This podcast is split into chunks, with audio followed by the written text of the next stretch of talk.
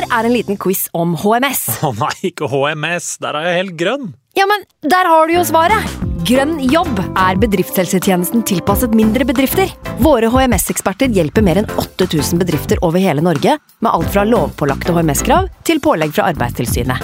Få på plass bedriftshelsetjeneste på grønnjobb.no.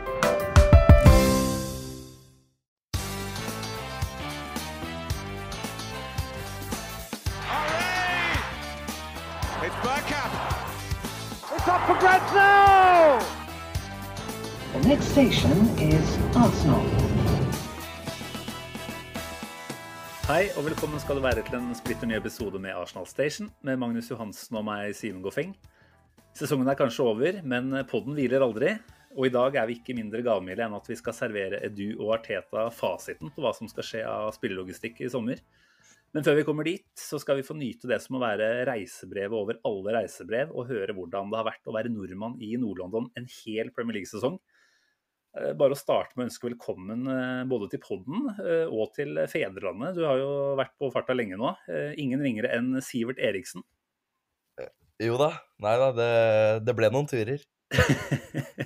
Sivert Pus, velkommen tilbake Takk til podden. Du har vært der før. Jeg har vært der før, så det er jo, det er jo stort og åpenbart har levert såpass at jeg kan, eh, kan komme og bable en gang til.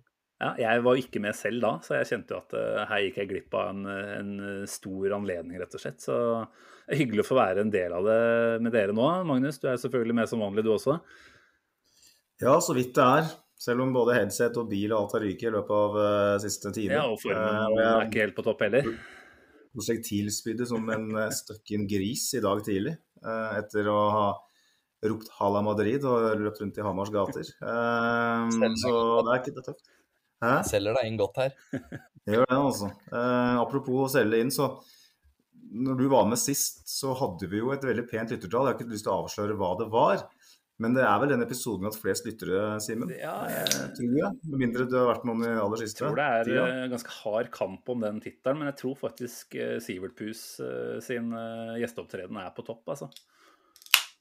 Mer enn Petter Wæland og Kenneth Rødheim, annet. Altså, jeg tenker når man leverer sånt, da blir man spurt igjen. Så Ja, ja. Det er kun, kun kynisme, Sivert. Vi vet hva lytterne vil ha, og derfor er du her. Ja, men nei, det, er jo det er jævla hyggelig at folk gidder å høre på det. det jeg har jo bare har jo bare erfaringer å komme med. Jeg syns jo bare det er utrolig gøy å snakke Arsenal. Det er jo derfor jeg Altså, jeg hadde jo stilt opp her på en, eh, en Skype-samtale med dere uten at det ble filma også. Jeg bare elsker å snakke Arsenal, ikke sant. Så, så det at det kan falle i smak hos andre òg, det er jo helt uh, tipp topp, det. Ja, Forskjellen fra forrige gang er jo nå at eh, du har vært eh, gjennom en hel Premier League-sesong. Altså, jeg husker ikke akkurat tidspunktet for den forrige praten dere hadde, men det var vært sånn eh, rundt halvveis eller noe sånt? Det var rett før eh, Watford borte, husker jeg. Ok, Ok, det er jo såpass eh, kort tid siden, ja. Ja, kort tid, kort tid kort tid. Det var før, før jul, var det ikke det? Nei, Watford borte. Nei, det kan det ikke ha vært. Det var vel i Watford borte var vel i februar. eh, jo, ja, ja, stemmer det. Ja, stemmer det. Stemmer det. Det var bare at kampene kom litt tett på slutten her, så jeg føler at det er lenge siden. Vi veit at du har hatt et uh, visst alkoholinntak til helgene her, eh, Sivert. Så Ja, vi skjønner jeg- at ja. ikke du har helt orden i rekkefølgen på matchene. Nei, det har jeg faktisk ikke. Det, det blei ble tett. Men vi kommer jo ikke unna at vi må, vi må eller Magnus, vi må starte med en liten eh, Arsenal-Norway-prat. Det er jo der vi vil starte hver eneste pod. Vi har gjort det noen måneder nå, etter at vi innleda et samarbeid med supporterklubben. Syns det er greit å bare ta det med en gang, siden, eh, siden folk er eh, våkne og følger med nå i starten, i hvert fall. Så blir det litt sånn og slapt utover praten, tenker jeg. Eh, Vi har jo formoda alle til å, å melde seg inn i Arsenal Norway nå over en lengre periode. og Vi har jo fått noen erfaringer om at det er eh, noen som tar oss sporet, og som gjør nettopp det. Har vi snakka med Ronny Perez Madsen, leder i supporterklubben, og han sier jo at det er eh, et medlemstall som går eh, veldig rett vei om dagen. Har gjort det over en eh, periode nå. Så mm, ved siden av de åpenbare grunnene som er at man er glad i klubben, så har man jo også noen noen andre fordeler hvis man blir med i medlemsklubben her? Hva, hva er det man kan forvente da? Da diskes det opp med alskens av fortreffeligheter. Det er eh, seks supporterblader, The Gunners Post, som dundrer ned postkassa til avtalt tid. Eh, Annenhver måned ca. Eh, og så har du 15% vel på fotballbutikk.no. Jeg vet ikke om den videreføres over neste sesong, men det vil jeg tro. Har ikke hørt noe annet. Men det kan vi i så fall finne ut av. Eh, og det er de draktene som kommer nå, i alle fall den bortedrakta, den, eh, den skal jeg ha. Eh, så da vinner man jo litt på, på å være medlem der òg. Søknad på billetter eh, på hjemmekamper, det er jo òg en ting man kan ordne gjennom supporterklubben få sitte ved siden av hverandre til og med, og det er ikke alltid så lett. Vi har jo med billettorakelet her i dag, som, mm. som, vet enda mer om det her enn det vi gjør. Sånn at uh, vi skal snakke litt om det. Uh, jeg tipper han kommer til å, å si det samme. Uh, en kjempefin mulighet. Mm. Ja. I tillegg så er jo møtene man har både i London og i Oslo f.eks. når det er cupfinaler og sånn, at, at, det arrangeres festligheter hvor, hvor Gunners, som er norske, samles. da, og jeg og Sivert var jo på et på Emily Stadium nå mm. eh, for noen uker siden. Eh, når Leeds-kampen, var det ikke det? Ja.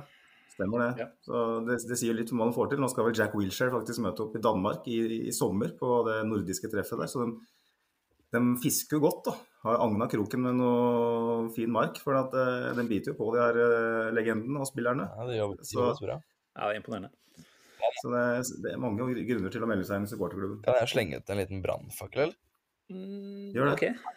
Ja, altså alt jeg mener, da, eh, er at uh, For medlemskapet er, kan begynne der, da. Det er 250 kroner i året, er det ikke det? For å være med Arsenal Norge. 300 eller noe. 250. 250. Ja. Alle muligheter for å legge til en liten uh, sum oppå der, da, åpenbart. Ja, ja, ja riktig. Uh, altså, er det ikke det litt uh, useriøst å ikke være medlem av Arsenal Norge når du er norsk Arsenal-fan, da? jeg, er ikke, jeg er ikke uenig. Jeg syns det er fint at du kommer inn og melder det såpass tydelig. Det, det, det, skal jo på en måte godt gjøres å finne argumenter for hvorfor man ikke skal være medlem i supporterklubben. Jeg skjønner i hvert fall ikke hvorfor du ikke skal være det. Nei. Vi håper fortsatt at de som melder seg inn etter å ha hørt på oss, eh, fortsatt sender melding i innboksen og forteller at de har gjort det. Eh, fordi at det er kjempehyggelig. Eh, og det gir oss Ingen prosenter. Noe håndfast å slå i bordet med overfor Arsenal Norway òg. At det jo faktisk det, det funker, det samarbeidet her. Um, og det er ikke noe flaut å komme til oss med, med det. Altså. Det er heller tvert imot. Uh, å innrømme at man har tatt feil, det, det, er store menn og store kvinner som, uh, som tar de rollene. Og der er det verdt å legge til kjapt at uh, det er sikkert mange som er i den situasjonen at de har vært medlem på et eller annet tidspunkt, og så har man bare glemt å fornye medlemskapet. Og hvis man da ønsker å få gjenoppretta det gamle medlemsnummeret, som jo er litt ålreit, altså lavere medlemsnummer jo bedre, er det ikke så enkelt? Hva er ditt nummer? Jeg hadde et lavere. Nå er det ganske høyt. det var før jeg visste at akkurat det jeg skal si nå, var mulig. Eh, for jeg trodde at den eh, på en måte var long gone. Men eh, har jo fått høre da at har man et tidligere medlemsnummer, så, så sender man bare en mail til supporterklubben, og så får man gjenopptatt det samme medlemsnummeret. Og det er jo en, en liten win i seg selv, da. Jeg hadde vel Jeg tror jeg hadde rundt 8000, faktisk. Og så er jeg nå oppe på 15 og noe. Mm. Så det er ikke noe jeg slår hardt i bordet med, det er det ikke. Hva med dere, forresten? Hvordan, hvordan ser det ut der? Du, jeg tror jeg har 1800, altså. Yes. Det er imponerende. Meldte du ble meldt inn en gang du ble? Farsan som har æren for det, tenker jeg. Ja, det, nei, jo, ja, det er, eh, det er 17-18 eh, år sia. Men uh, tar jeg feil? Altså, jeg var medlem 4001, og jeg meldte meg inn i 96, tror jeg. Jævlig dårlig av meg å sitte her og ljuge på den måten, da. Men jeg er ikke det sjøl lenger, og det skal sies. Jeg har gjort samme feilen som Simen, så jeg har et veldig høyt nummer. Ja. Eh, som vi ikke skal nevne her. Hvor mange medlemmer er det? Hvor mange medlemmer, Hvor mange medlemmer det er? Eh, jeg tror det nærmer seg, nærmer seg vel 7000 igjen. For det har jo vært en eh, en ganske solid dupp nå i forbindelse med korona og, og ja, muligheten til ikke komme seg over, rett og slett. Da. da. er det mange som ikke nødvendigvis ser verdien i det, men jeg tenker jo at uh, den verdien den er der uansett om du turer over eller ikke. Vi snakka litt om det forrige gang, Magnus, at nå som man skal over på nye rettighetshaver uh, og sånt, så, så skal det aldri være et så stort tall som mulig når uh, TV-kanalene skal drive og fordele hvem de prioriterer i, i sendetidene. Jeg skjønner at åpenbart ikke det ligger hos uh, V-sport uh, selv nødvendigvis. Men har du Si at du har uh, Arsenal, Chelsea og Tottenham på samme kamptidspunkt, da, så blir du kanskje prioritert foran de to. Hvis du kan vise til at du er større supportermasse også. Mm. Yes, yes. Men meld dere inn i supporterklubben, da. Det er ikke noe å tenke på. Uh, Sivert sa det så tydelig som det går an. Gull. Nei, men åssen uh, er det å komme tilbake igjen til uh, gamlelandet, Sivert? Er det en liten sånn uh, post-Arsenal Nord-London-depresjon du er ute for nå, eller åssen har du det? Nei, du, det jeg har et litt ambivalent forhold til, til, det hele. Det var utrolig deilig å komme hjem og, og begynne å jobbe igjen og, og se på en måte kamerater og, og, kjæresten min og alt mulig mer enn hver fjerde uke. Femte uke. Men det savnet tar ikke lang tid før det kommer, altså. Mm. Så, så når eh, Ja, nei, det det blir nok tilbake første, se, første serierunde allerede. Altså. Det trenger du ikke lure på. Det. Nei. ja, nei, Uansett om det er eh, holdt jeg på å si, Tottenham hjemme eller uh, Nottingham Forest borte eller et eller annet, så skal jeg nok på første runde, ja. Ja, det er verdt å, som du sier der, påpeke at vi har fått 20. 20. lag i Premier League til neste år nå. De vant jo litt heldig, kanskje, eller mot Huddersfield tidligere i dag, men jeg eh, skjønte at uh, Det har vært totalt, totalt klart det beste laget i championship, uh, no, i hvert fall etter jul, da, så mm. jeg syns den er grei. Altså. Ja. Det er fett lag å få på. Vi tar gjerne bortematch der. Vi gjør det. Mm. Ja, Magnus. Uh, ja. Du Ja, nei, jeg er også jævlig glad for å ha Nottingham Forest tilbake. For at et lag jeg vokste opp med, var en del av Premier League. og det er alltid kult når de de lagene kommer tilbake. Jeg syns det var fett når Leeds kom tilbake uh, for to år siden. Og nesten like fett med Nottingham Forest. Også. Så kan jeg kan altså skyte inn at uh, når vi møtte Forest i cupen denne sesongen her, bortepuben da, Hooters Umulig å få pils. Ok. Umulig. Ja. Så det er der du ikke drar, med andre ord, da? Eller ja, altså, det, det, er den eneste alle bortefans drar på, men okay. vi sto jo med, med Fosters-boksene på utsida i stedet. Ja visst. Der ser du noe. Ja lommelerka. Du var på den matchen. Hvordan var, eh, hvordan var den uh, stemninga der? Var flomlys og hele pakka der, mener jeg å huske? Nei, jo, ja, det var bra før match, og så gikk jo matchen som det gikk. Ja. Jeg trenger ikke å snakke mer om det. Nei, det vil jeg ikke prate om. Muligheter for revansje. Ja, nei, men nå som det har vært en hel sesong over, så er det på sin plass med en liten oppsummering, rett og slett. Det er jo et helt sinnssykt Ikke et år, du har lagt bak deg en høst og en vår som jo alle vi andre hjemme fra Norge bare har fulgt med på med misunnelse.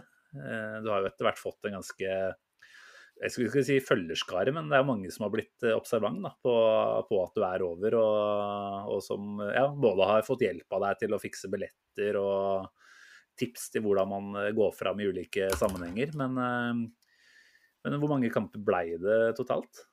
Ja, det ble 31 i ligaen uh, av 31 av 38, og så ble det Sunderland, Leeds og Forest i cupen, så landa vel på 34.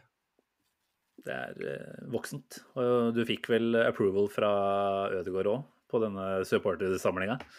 Ja, Ronny var jo såpass grei at uh, vi hadde Ødegaard der i eller, skal jeg være raus og si fire minutter. Og 25 av de sekundene brukte han jo på å fortelle Ødegaard at jeg uh, var på alle matchene, og det sa han uh, Han sa vel ganske ordrett det at uh, det respekterer. Det var, det var fett. Oh. Ja, det, det, kan du ta på Så det minnet jeg lag, skaper i huet mitt nå i ettertid, det var at han så meg ganske rett i øyet og sa det òg. Så det, det, det, var stort for meg, det. Jeg, satt, jeg, så Ødegaard satt på tribunen på Vålerenga-Rosenborg i stad. Jeg så etter deg. Jeg tenkte kanskje det hadde blitt invitert av han. Haaland og nei, Brauten og Ødegaard og Sivert Puss. Hadde vært fint. Nei, så det skal jo sies på en måte uh, Fra før jeg flytta over Fra før jeg over, så hadde jeg vel en, eh, en 60 følgere på Twitter, kanskje. Så, og, og 20 av de var bare sånne bots.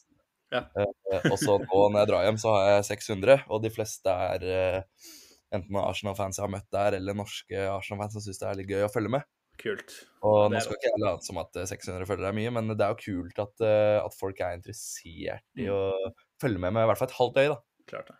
det er jo, mm. Og jeg har møtt det er jo folk som sender meg meldinger og, og spør om det ene og ene og det andre. Og uh, på en måte, alle er jo jævla ålreite. Mm. Så det, det, er jo det fotball handler om for meg, sånn i utgangspunktet. Ja. Om det er gjennom Arsenal Norge, som det ofte er, eller om det er med, i sofaen hos kamerater, eller om det er på, på, Twitter, så er det det å knytte bekjentskaper mm. bare basert på fotball. Mm. Altså Nå har jeg vært med i den podkasten to ganger, og jeg har møtt Jeg har møtt eh, Magnus eh, er det tre ganger, jeg har møtt deg en gang. Jeg vet ikke hva dere jobber med, det er ikke så interessant. men det, det, det driter jeg jo i. Ikke sant? Eh, jeg, jeg tror Magnus har kid, for han, han nevnte. Men jeg vet ikke hva han heter. Nei, hun til og med. Det er hun, ja. Hun. Så der ser du. Ja, så, Ja, det er så ja, jeg syns bare det er jævlig gøy, da, for å si det rett ut, å bonde med folk på grunn av Arsenal. Ja, det er helt eh, fantastisk. Det er jo Altså, la oss være så ærlige. Eh, Det er jo ikke sånn at man har i, i vennekretsen nødvendigvis alle på det nivået som man møter på puber og, og på steder. da. Altså kunnskapsnivå og interessenivået. Så det å liksom Skål der, da. Der var dere akkurat symmetriske på, på hellinga på pilsen. Eh, For alle, som, eh, for alle som hører på, så er det sikkert uh, greit å vite.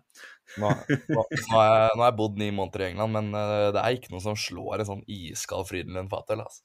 Er det du savna mest med Norge? Ja, dem sitter. Hvor var det jeg var, da? Nå glemte jeg helt hva jeg snakka om. Det er bare å beklage. Du var vel i London, var det ikke det? tror det var London. Uh, mulig, mulig det. Eh, Jeg er i London hele tida mentalt. Eh, kanskje ikke akkurat nå som sesongen er over, men eh, det er jo interessant å, å høre masse om det Sivert har opplevd nede der. Men vi kan jo referere til den forrige episoden. Jeg husker ikke hva helt hva han heter, men han ligger i feeden vår en eller annen plass. Den ultimate Eh, man episoden. For det, det husker jeg. Det var jo definitivt akkurat det det var òg. Det er jo den eh, sinnssyke drømmen som de aller fleste av oss sikkert har og har hatt, men ikke har turt å etterleve. Så full av respekt for at uh, du tok det steget der, Sivert. Kanskje særlig med tanke på de to årene som har vært forut. Da. Det er ganske solid å ture rett over til London uh, post korona. Du fikk vel jeg- litt korona med òg, til og med? Ja, jeg visste jo ikke hva jeg gikk til i det hele tatt, på en måte. Og rett før jeg skulle til eh, eh, rundt jul, da, når det var eh, masse matcher og jeg skulle hjem på juleferie og alt mulig, kom jo det omikron- og omikron-greiene. Det er jo bare sånn fremmedord nå, men så kom jo det omikron-greiene, og det ble jo snakk om at det ikke var mulig å komme hjem og ti dagers karantene. og Så jeg, jeg har faktisk reflektert litt over ettertid at det, det kunne jo fort skjedd, et eller annet sånt. Mm. Noe med de utsettelsene, det nevnte jeg så vidt i forrige, forrige pod. De få utsettelsene som kom, det var kanskje to-tre matcher, og da var jeg hjemme og spiste ribbe. Altså. Det var så perfekt. Er det lov å ha så mye flyt, Mm. egentlig? Ja, ja det, jeg spør meg selv om det, og jeg tro meg, jeg, jeg innser det sjøl. Ja. Nei, men da setter du pris på det. Det, det er godt å høre. Sa vel også i den forrige poden at jeg aldri har hatt covid, og det har jeg fortsatt ikke. Og hvis du har det nå, så merker du det ikke uansett, så det går bra. Ja. Går. Det er jo helt sykt at du ikke har uh, hatt covid når du står Silje i tønne på Tollington eller Iglet eller hvor, hvor du er hen, ikke sant. Og så, eh, vi, jeg satt jo hjemme og selvisolerte, som de fleste andre nordmenn på den tida, og fikk allikevel korona. Eh, og så står du der eh, med med svette briter med tattiser Ja i trynet. Og, og sikkert klemmer og spytter og har det gøy. Eh, og så får du ikke korona. Da, da, som Sim sier, da har du flyt. men men flyten den måtte jo til slutt ta slutt. Du avslutta jo oppholdet på verst tenkelig vis. Eh, På sett og vis, da, eh, med den bortekampen mot eh, Tottenham før du, før du flydde hjem. Har du, har du på en måte allerede klart å svelge den skuffelsen og bare ser tilbake med, med stjerner i øya? Ja, jeg kan, kan gi deg hele dagen min, først og fremst. Kan begynne der. Den dagen. Skulle jeg fly hjem dagen etterpå, så jeg tenkte greit at det er Tottenham borte og sånn, og rosiner i pølsa og alt det der, men jeg må ta det litt rolig. For flyet mitt går faktisk fra Stansted klokka 11, så det er ikke vits å være helt dust, uh, sa jeg til meg sjøl. Så våkner jeg opp, uh, dobbel vodka Red Bull til frokost. så da har jeg glemt det allerede. Så er jeg Jeg husker ikke kamptidspunktet, om det var eh, seks eller åtte eller eh, hva det var, men jeg var vel på puben min klokka elleve.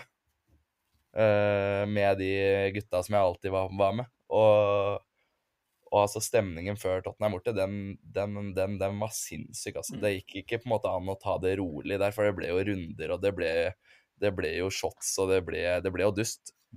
Eh, Så du fyrer deg opp, og så drar jeg inn, kommer meg inn eh, der på, på et vis. Eh, Det var, det var vanskelig, ass. Vi var jo sånn politiskorte.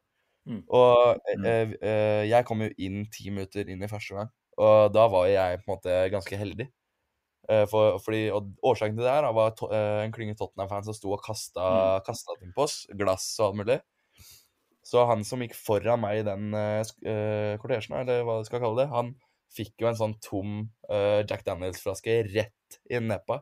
Begynte å blø fra alle kanter og alt mulig. Uh, vi snakker 20 cm foran meg, altså. Og, men du veit jo åssen denne engelskmannen er. Han ble jo bare lappa sammen, og så var rett inn. Uh, nei, så det, alt, alt, det var gøy, og det var kult å kjenne på, kjenne på det hatet sånn ordentlig. Mm. Og så går det jo mm. Jeg kom inn etter ti minutter, og så går det jo fem minutter, og så er det jo i gang, da. Så er det jo dritt. Og så går det vel etter 30 minutter på 2-0 i hvert fall.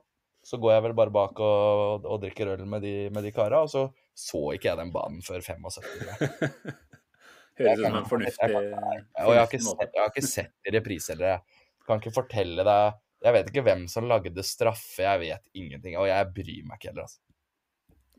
Men uh, det du sier der er jo interessant, det, det med den politieskorten og sånn. Og, og det, det, man føler på når man eh, går opp Seven Sisters Road mot stadion der. Jeg var jo der i 2010 og 2011 uh, og så bortekamper der. Uh, og jeg er jo en av de som har vokst opp i, her i Norge med rivaliseringen mot Manchester United. og eh, På mange måter så hata jeg Manchester United mer enn Tottenham eh, før jeg flytta til England. Eh, selv om jeg alltid sa det for noen andre, at det, jo, det er jo Tottenham jeg hater. nesten for at man er litt sånn programforplikta til å gjøre det.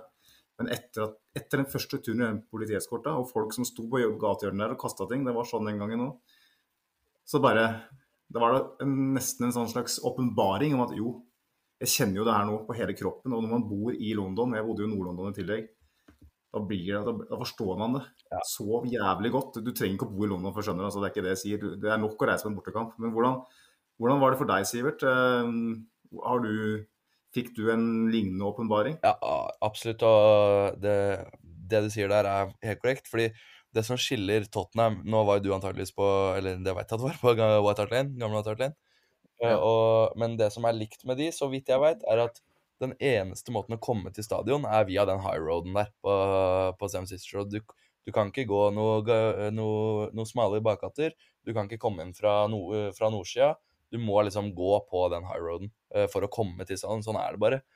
Og da står jo Tottenham-folk rundt hver eneste sving, rundt hver eneste gatehjørne, inni de der off-license-sjappene overalt. Kaster lightere, mm. kaster grus. De liksom det, var skikkelig sånn uh, Skikkelig sånn Fikk skikkelig kvelertak da, av å komme der som Tottenham-fan. Og jeg gikk, jeg gikk, jo ikke inn i farger eller noen ting, og det gjorde jo ingen av kameratene mine heller. Eh, men det var bare akkurat som at de kunne se at du var Arsenal-fan. Så Det var, var, sånn skikkelig skremmende. Mm. Altså, Vi begynte jo, dumme som vi var, en gjeng på 20 stykker, når vi gikk av Tottenham Hale der, å synge liksom Arsenal-sanger i Det var kanskje snakk om ti sekunder. da. Og også han eh, som gikk først, da, han ene i, kall det gjerne den gruppa, han ble jo svinga etter da, av en sånn Tottenham-fyr. Og mm. det, det, kan også nevnes at uh, så raskt som politiet la han Tottenham-karen som prøvde å dra til han i bakken, det har jeg aldri sett før. Det var snakk om fire sekunder. Mm. Så altså, der var de skikkelig på vakt, for det der har skjedd før. Så uh, ja, jeg, du treffer speaker der, Magnus. Tottenham, det, det, er, det sa jeg også til Simen uh, før, før, vi gikk på her. Uh, og grei, alle veit at ja, vi hadde lyst på Champions League alle sammen. Men det verste med hele greia er at Tottenham fikk det, ikke at vi ikke fikk det. Mm. Mm, helt På alle måter ja. er det det verste. Ja. Nei, men det er jo en um, eh, både fæl, men også fascinerende måte å høre de beskrivelsene deres. For meg som aldri har vært på et eh, Nordland Derby i det hele tatt, så skjønner jeg at jeg har gått glipp av noe veldig, veldig essensielt her. Bare, ja, vi tar den turen til, um, til høsten eller våren. Siden. Um, jeg har ikke vært på Nordland Derby på ti år heller, så det er jævla på tide. Um, vi har fått et lyttespørsmål angående det med bortekamper. Jeg tenker De fleste av de som hører på, har sikkert vært på Emirates. Uh, og i det minste et veldig inntrykk av hva Emirates er. Uh, bortekamper er jo da 19 forskjellige i løpet av eh, sesongen vel, som man reiser på. De som er så heldige. Og Elias Martin Berg på Twitter han spør hvilken bortematch i år følte han seg mest ivaretatt og tryggest på? Altså Tottenham. rake motsetning av den Tottenham-matchen. Ja, Nei, altså Det kan jeg jo bare for å lette litt på den eh, stemninga, på en måte. Så var det jo Du ble jo ofte kamera... Altså, folk, alle folk er jo ikke dumme i huet, ikke sant? Uh, du ble ofte kamerat med, med motsatt fans òg. Det var Etter Wolverhampton så, så satte jeg meg på et tog tilbake til, um, til eh, Birmingham, for det må du, fra Wolverhampton til Birmingham, og det er veldig mange Wolverhampton-fans i Birmingham, åpenbart. Mm. Så, så satte jeg meg ned på, på, toget, og så begynte jeg bare å prate med noen Wolverhampton-fans, og de var jo skikkelig ålreit, selv om vi akkurat hadde slått i 1-0, på en måte. Så det er jo Det er ikke sånn automatisk hat mot alle klubber hvis du oppfører deg. Så, så, jeg husker eh, Wolverhampton eh, var hyggelige karer. Eh, ja, egentlig alle de småklubbene her. Uh, for eksempel um, Southampton, da. dra ned til Southampton og tape. Det er klart at Da er jo de mer opptatt av å feire en seier mot Arsenal enn å drive og kødde med Arsenal-fans. Mm. så det var å være borte Altså, jeg spurte ganske tidlig en fyr hvorfor tør du å Som, meg, som jeg alltid var med, da. Hvorfor tør du å bruke bruke drakt på bortekamp? Er du ikke redd for at den bare skal uh, bare svartne og bare ordentlig komme og ta deg, liksom? Og så sa han det at uh, herregud, hvis du ikke oppsøker det der, så skjer jo ikke det med mindre du møter feil fyr på mm. Tottenham borte. Og, mm. og det, det, fikk jeg inntrykk av stemte, altså. Det er ikke noe Fotball er ikke det det var på, på 80-tallet, altså. Det, det, det, er Jeg følte meg ivaretatt på de fleste matchene, og jeg følte men eh, det er mer når jeg kommer meg inn på stadion, så følte jeg meg, følte jeg meg liksom at det var oss eh, 2000-3000 mot mm. resten. Men det var ikke sånn på utsida sånn Jeg følte meg ikke trua på bortematcher. Nei. Opp, opp til deg og hvor cocky og jævlig du er, rett og slett. Ja, og ja. før kamp så har jeg egentlig mer enn nok med å være nervøs. Og ha det gøy. Det er jo et voldsomt sikkerhetsoppbud òg rundt i Premier League-matchene. Ja, ja, herregud. Du får ikke gjort mye gøy der, altså jeg, når jeg var på Tottenham borte da, i 2011, så var det faktisk en fyr som dro til med en hest. Ja, jeg har sett noen bilder. Med knyttneven. Han nå havna veldig fort i bakken. Ja. så det er, sånn, det er, sånn, man husker. Eh, men jeg, det er, det er sikkerhetsoppbudet er så voldsomt da, at eh, du rekker omtrent ikke å løfte høyrehooken før du blir stoppa. Nei, du gjør ikke det, altså. Eh, ikke at jeg har prøvd det, men det er, det er så voldsomt. Og det er det som gjør det, det er det som er en av de viktigste årsakene til at det er så trygt som det er. Fordi at man, man, har jo på et tidspunkt adressert det her og forstått at man kan ikke slippe de fulle fotballsupporterne inn på samme pub og inn i samme uh, gate og sånn, for da, da, blir det, da blir det bråk. Nei, det går ikke, ikke sant. Mm. Så nei, jeg har ikke noe jeg har ikke noe, har ikke noe vondt å si, egentlig. Sånn. Jeg var jo på, jeg var jo på Westham, som er kjent for å ha skikkelig harde fans, for eksempel. Da. Men jeg satt jo på tuben på vei til, eh, til Bank eller hva det er, på Stratford eller hva det er, for å komme dit, og, og snakka lenge med en Westham-fan som, som gleda seg veldig til han, han, han hadde booka fly og fly og hotell i Europaligafinale og alt mulig. og mm. Så nei, det var bare hyggelig, det. Og ønska hverandre lykke til og alt mulig. Så folk er jo folk, er jo folk ikke sant. Jeg tenker det er en nyttig opplysning, det her, da, for det er nok mange som liksom har noen uh, tanker om at bortematcher i England kan uh, bety litt ekstra ja, problemer der fort. Eh, jeg har selv vært på et par liksom, og har aldri hatt noe trøbbel med det selv. Altså Litt sånn drittslengende når jeg var borte på City, husker jeg at det var utenfor eh, stadion og sånt. Jo, jeg har, vært med på, jeg har vært med på mye drittslenging, det er ikke det, men det er jo det er bare bjeffing, ikke sant. Det er jo en del av, det en del av moroa. Mm, mm. Men uh, det er liksom ikke noe, ikke noe å bekymre seg for om du skulle være litt uh, av den bekymra typen. Så nei, nei, nei. dette går fint. Det går helt fint. Ja.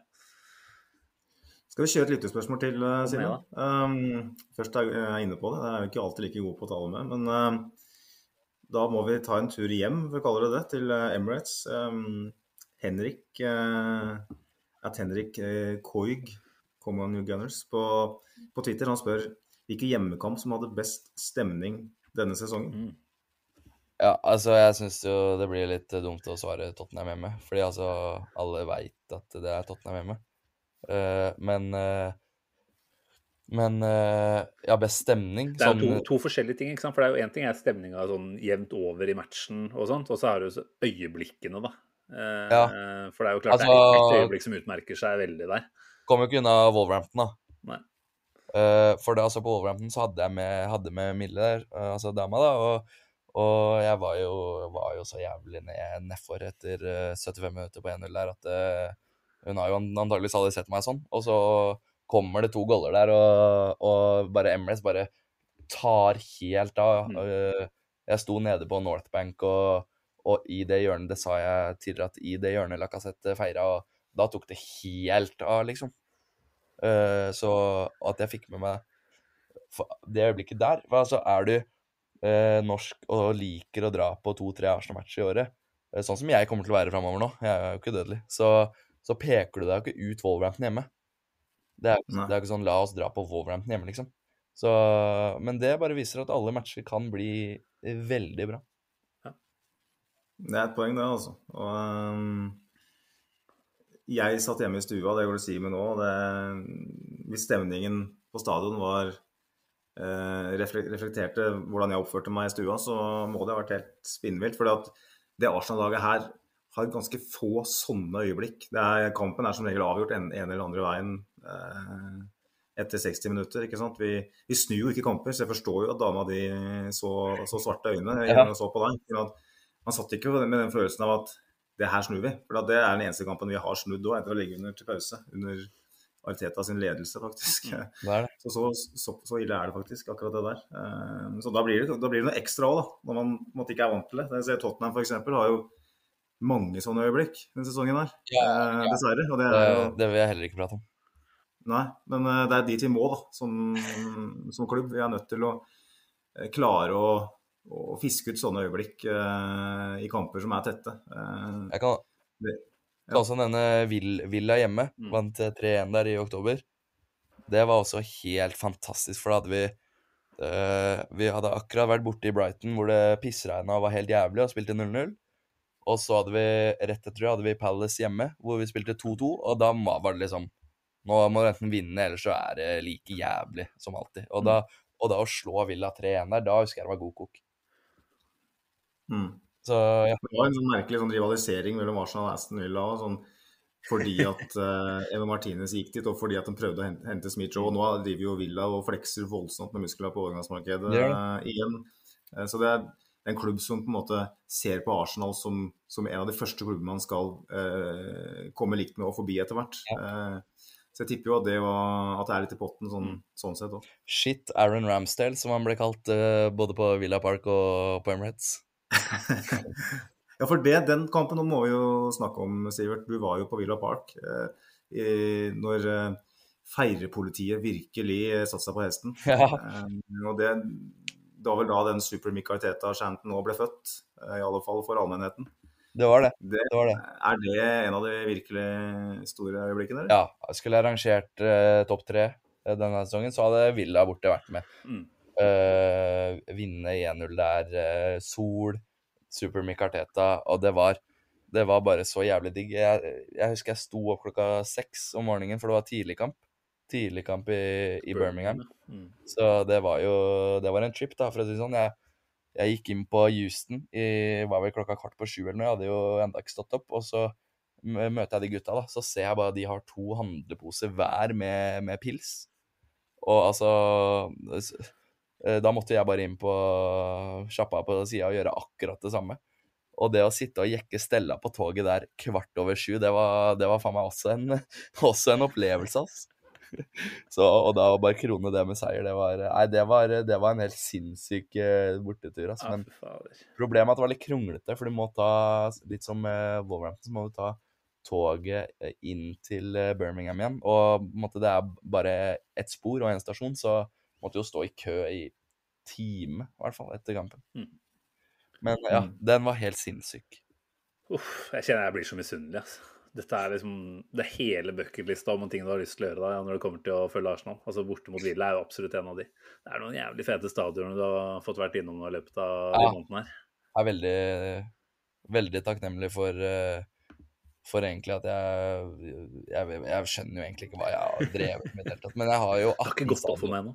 Nei, jeg har, at- jeg har, jeg har 18 stadioner i England nå. Jeg telte her om dagen. Så Det er bra. Ja, Det er jævlig bra. til å men I all ydm- ydmykhet til å være 21 år, så er ikke det så gærent.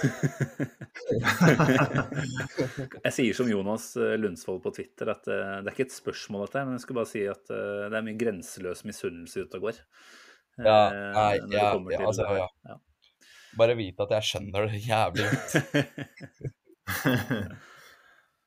Um, vi har et lytterspørsmål til og som dreier seg om, eh, om drømmeåret. Um, det året som kommer til å flashe forbi revy den dagen man ligger på dødsleiet, vil jeg tro. Det er lite som kan slå det her. Eh, eh, skal vi se her, det var vel eh, Magnus eh, Indri, Indridason på, på Twitter som spør beste prematch-puben i London før hjemme. Det var faktisk eh, Lauritz, kan jeg si. AFC Lau 2 som spør om det. Ja, men det er tydeligvis to som spiller ah, ja. samme spørsmål. Det er helt riktig. Ja, Mm. nå må vi med en liten shout-out til Lauritz òg. Skjevt. Nei, eh, eh, Eaglet, da, som uh, kjenner jo du til, eh, Magnus. For den uh, Eaglet var jo i full gang da du bodde der òg, for, uh, for 15 år siden, eller hva det er. Nå, den er ikke så ille, heldigvis. Det. Nei, altså, Eaglet, da. Tre kjappe ting om Eaglet. De spiller sangene uh, til chantsa på høyttaleren. Så når refrenget kommer åpenbart, så mm, blir det jo helt Texas der inne. Og så på kampdag så koster en halvliter tre pund. Eh, det som er halvparten av, av eh, Hva heter den der store blå som alle norske drar på? Store blå. 12 pins. 12 pins, ja. Der, der koster det jo seks. Tollington eventuelt. eh, Ja, det er Ja, ja, ja, så det er billig pils, og det er god, god stemning. Og så får du ta med deg pilsen ut helt lovlig og stå og ta en liten uh, ferdigsydd og Ja, Iglet er fint. Mm. Det var Wayboys, Arsenal Wayboys spilte jo der eh, ganske ofte før hjemmekamper. De ga seg vel for fem-seks år siden nå. Eh, man kan si hva man vil om musikken, og det er ikke det man sitter og hører på hjemme eh, på en søndag mens eh, fuglene kvitrer ute på vinduet. Men akkurat når man skal drikke øl før match, så de, det å få den musikken og den, dra i gang skikkelig For Tollington er jo en bra pub, eh, men det er ikke mye synging der, syns Jeg jeg. liker Tollington, og det Jeg liker Tollington enda bedre fordi det er bare to minutter å gå Mm. eh, fra Eaglet. Så jeg pleide å dra ganske Si kampen begynte sju, da. Så var jeg på Eaglet fire fram til eh, ja, kvart på seks. Og så, og så gikk jeg bare mot Emirates, for da går du forbi Tollington. Og så bare gikk jeg inn der for én siste pils, bare for å ta pulsen på Tollington. Og så videre på Emirates. Det var liksom ruta med de første månedene. Og så begynte jeg å henge litt på litt sånn eh, mindre kjente puber med de bortegutta etter hvert. da, På Hybrid Library og på Hortensia og sånn. Som er eh, Ja, det er jo ingen som er Ja, det er jo bare rør. Ja, men det er litt sånn, litt sånn rør som det er greit å få med her, da. Det er jo stort sett de samme navnene som går igjen når det kommer til pubanbefalinger og sånt. Så når du nå liksom har enda mer å by på på den lista der, så tenker jeg at det, det tar jeg med, meg- med meg når jeg skal over neste gang. Får vi se hva Kjøre skikkelig pubrunde. Når du går uh, på en måte fra Emirates og mot uh, Holloway Road, så er det en sånn pub på gata der som starter på H. Jeg lurer på om det ikke er Hortania eller eh, Å, fy faen. Det, den synes jeg, den gikk jeg alltid innom etter match på slutten. Jeg syns det var så god cocktail. Mm. Og stor og fin. og det, La meg komme tilbake til det. Det, det, er jo, det er jo det som egentlig er tipset mitt. Smell ut noe på er- Twitter, så får vi det der. Ja, Den er helt konge. Så nå må jeg spørre i Red Mist-gruppa her hva den heter. Gjør det. Gjør det. Um, Red Mist, for de som ikke vet hva det er. eh, kan du ta kjapt om det? Ja. Det er eh, en nå kall kamerat, da, som heter Tommy på Ja, nei, han har ikke Om han har bikka 30, så er det akkurat. eh, Ganske ung kar. Som, som driver Først så var det egentlig bare han og kameraten hans, seks-sju stykker, som, som dro på alle matcher hjemme og borte, som han kalte Red Mist Army. Så han lagde litt sånn flagg og litt sånn, litt sånn klistre, klistremerker og sånn, litt, eh, litt, litt på kødd, da. Sånn derre Red Mist Army on the bear can for Pascal Zygan og sånn. Som bare sånn tull. Og så, og så endte det med at eh, han møtte jo folk, da, inkludert meg, som bare var sånn Hei, har ikke du lyst til å begynne å henge med oss og, og sånn? da?» Og så, så begynte jeg å dra med de på hver eneste bortekamp. Det, det er sånn jeg får billettene mine. Altså, jeg er ikke noen guru. Jeg bare sender melding til Tommy eller eh, noen andre i den gruppa og sier Halla, eh, nå har jeg tre kamerater over. Har du fire billetter? Og så er jo Tommy helt sheriff, så han sier jo bare ja. eh, og så ordner han det. Og han har aldri skuffa meg, og han har aldri hatt eh, en ekkel pris. Og jeg skjønner jo ingenting, for altså han, eh, Det var mot Palace borte, som er kanskje Mm. ja, blant de vanskeligste kampene i Premier League å skaffe i bortesvingen. Altså. Så bare sa jeg nå kommer onkel over, og så kommer to kamerater over. Har du, har du fire stykker? Han bare ja, det har jeg. Og så eh, fikk jeg det, for eh, jeg tror akkurat mot Palace måtte jeg opp litt i pris. 80 pund hver eller noe. Og, og da fikk jeg fire ved siden av hverandre. Altså. Han er, sånn, er helt han er helt sinnssyk kar. En gang så spurte han du, eh, hvis vi kommer til eh, Europa League-finale i Budapest for eksempel, kan du fikse det? Eller FA Cup-finale, kan du fikse det? De fleste, jeg, de fleste jeg snakker med, sier at det er 10 000, 12 000. Blir det det, liksom? Og så sa han nei, selvfølgelig blir det ikke det. Og så, sa, og så smilte han litt, og så sa han Uh, mate, I can get you a ticket, uh, even to a wedding I'm, uh, you're not invited to. Sånn. Foreløpig så virker det som det stemmer, altså. Nei, så det er gruppa til Tommy, som drar hjemme og borte hver match. Ordentlig ålreite kar. Å, fy faen. Og Budapest, by the way, der er det allerede bestilt hotell, det sa du her i stad. Ja da, jeg har booka, booka meg inn på, på H, H2 hotell Budapest. Fy faen, det blir vors der, da. Ja da, det trenger du ikke lure på. Så det som var litt digg, var jo at eh, jeg kan eh, avbekrefte fram til mai, så jeg får jo se om vi kommer til finalen eh, eller ikke. Men hvis noen er keen på å bo, bo, være med meg i Budapest, så er det H2 til Budapest. SAS 24. Nydelig. Nydelig. Jeg, her kan jeg på direkten si at jeg er interessert i det. Um, ja, det, er, det er vel sånn at hotellet og, og alt som er rundt der, eh, og utnytter det faktum at det er en, cup, en sånn type finale, så det, da går prisa opp og nærmere kampdato. Så det lønner seg å gjøre som de gjør. jeg fiksa jo et, eh, et eh, dobbeltrom nå til meg og en kamerat, og det var bare 2000 for to netter, og så 1000 kroner natta, da. Og da hadde det allerede begynt å gå opp. Ja. Så, for jeg sjekka jo tidligere òg, så jeg sier ikke at du må gjøre det i morgen, men eh, hvis du bestiller i mai, så er det nok, koster det nok 4-5. Mm. skal sies at den europalegefinalen der òg spilles jo på en solid stadion for en gangs skyld. Så der er det faktisk eh, muligheter for eh, både billetter og helt sinnssyk kok, da, om vi skulle komme oss dit. Så det er så lett å komme seg med Norwegian Ja, til. Budapest. Det derre Baku-kjøret hørte jeg Jeg var ikke der selv, men det hørte jeg var helt grusomt. Mm. 13 mellomlandinger før du landa der, tror jeg. Nei, men faen for et eh, år, altså. Jeg må jo bare si at eh, ja, jeg, angrer den dag i dag på at jeg ikke hoppa ut i det eh, som yngre. Det er jo fælt å si at man er 31, så er sjansene godt. De er jo strengt tatt ikke det, men eh, jeg tenker alle de litt yngre lytterne våre der ute, Magnus. eh, om vi ikke skal oppfordre dem, så, så gå en runde med seg selv. Altså, og ikke minst hør på episode 75, når Sivert forteller litt mer inngående om hvordan han har tenkt rundt det året her. Hva han på en måte har gjort for å kalle det finansiere det og sånt. Så, så er det jo litt, eh, litt tips å få der, for det er jo absolutt ikke noe umulighet. vet du. Åssen jeg finansierte det, var å jobbe 120% på Spar Tjøme i halvannet år. Spar ordner, og så var det vel et, eh, et årsstudium da, som gjorde at du hadde litt Lånekassen-hjelp underveis òg. Stemmer det. Bare gratulerer med bestått eh, karakter der. Ja, nei, det, takk for det. Jeg, alle gikk i boks på en eller annen merkelig måte.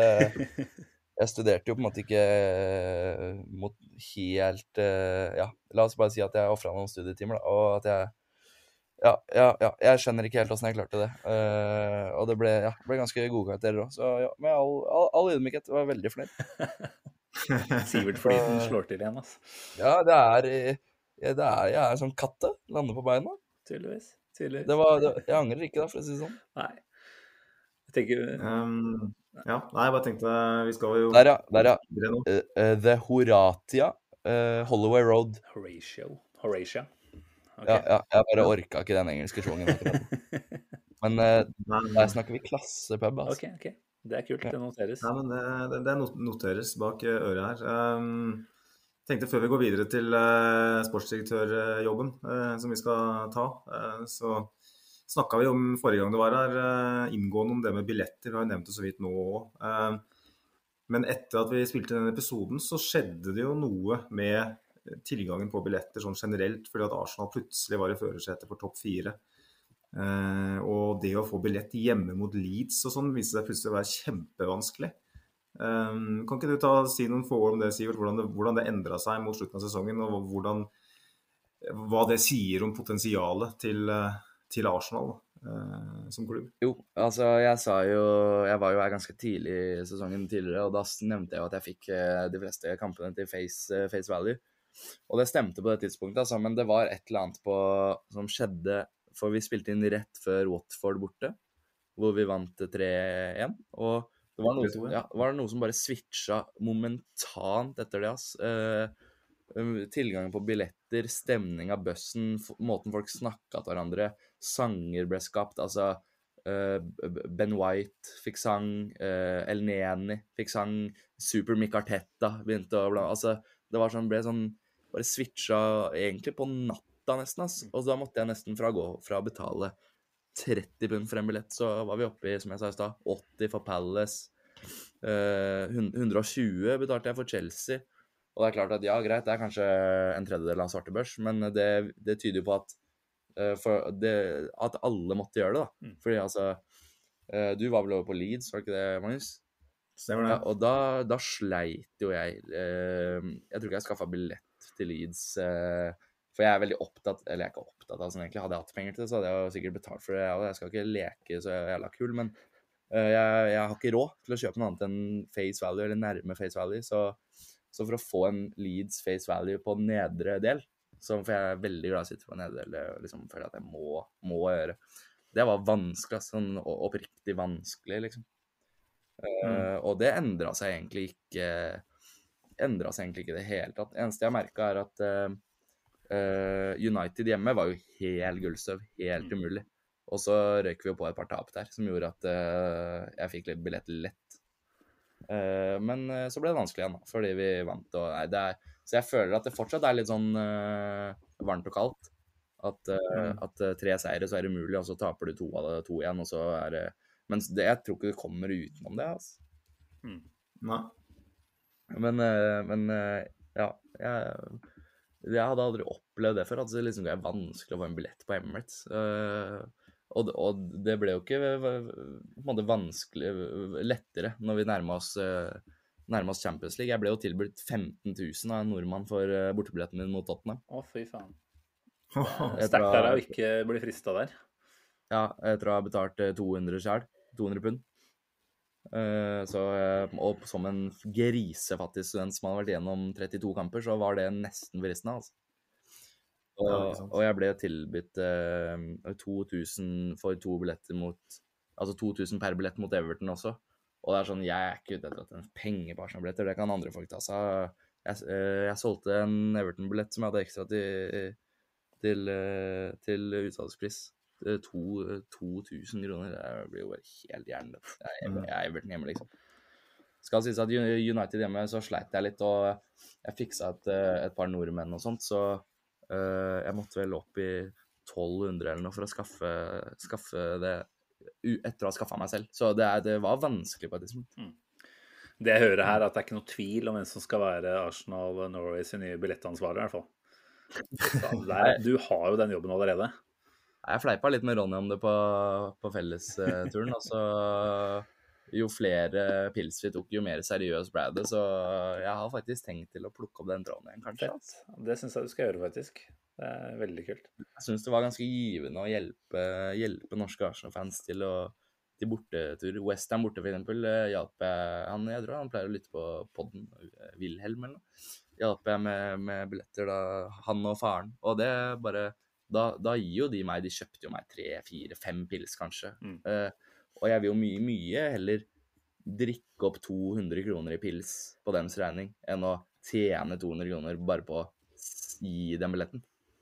Det er vakkert. Er- Det er nydelig å høre. Meningen med livet er å hjelpe fellow supportere til å få seg matchbilletter, rett og slett. Ja, for meg så er det han derre han der Førrisdal som, eh, som vi har møtt, han eh, hjalp jeg jo med United eh, til bra pris.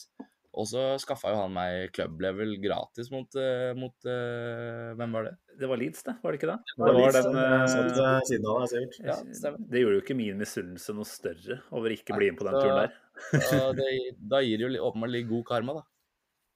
Er du, Det gjør det. ja, Mm. er du snill med meg, så er jeg snill tilbake, og så videre. Det er fantastisk. Jeg tenker for et år bare. Og så vil man ha mer detaljer om dette her, som sagt, så er det bare å, å gå tilbake i, i episoderekkefølgen vår og finne episode 75. Så er det vel halvannen time med god prat der også. Ja, nei, jeg tror, tror det går mer i dybden uh, der. Uh, så ja, hyggelig om de tallene får seg en, eh, en boost. Det store spørsmålet er er det noen som helst mulighet for at du gjør det samme en gang til? Altså et helt år? En hel sesong? Nei, men jeg har planer om eh, For jeg, du får ikke visum i England uten å få det for tre år av gangen. Mm. Og som jeg for så vidt betalte 20 000 kroner for. Å, fy faen. Oi. Ja, det er jo helt dust. Uh, men det får du ikke. Så jeg tenker at uh, år to på, på bacheloren jeg nå skal ta, så er det jo mulighet for et halvår utveksling uh, til London.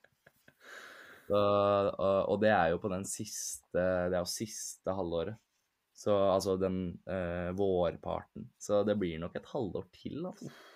Det blir nok det. Blir nok det. Det er en deilig dedikasjon, det her. Igjen. Eh, Så har jeg jo, så har jeg jo et åpent eh, sagt mål, eh, uttalt mål, om å I neste sesong så skal jeg klare Jeg har jo ikke evig med, evig med penger, så jeg må velge bort litt. Men da skal jeg klare alle matchene i Europaligaen borte. Ja.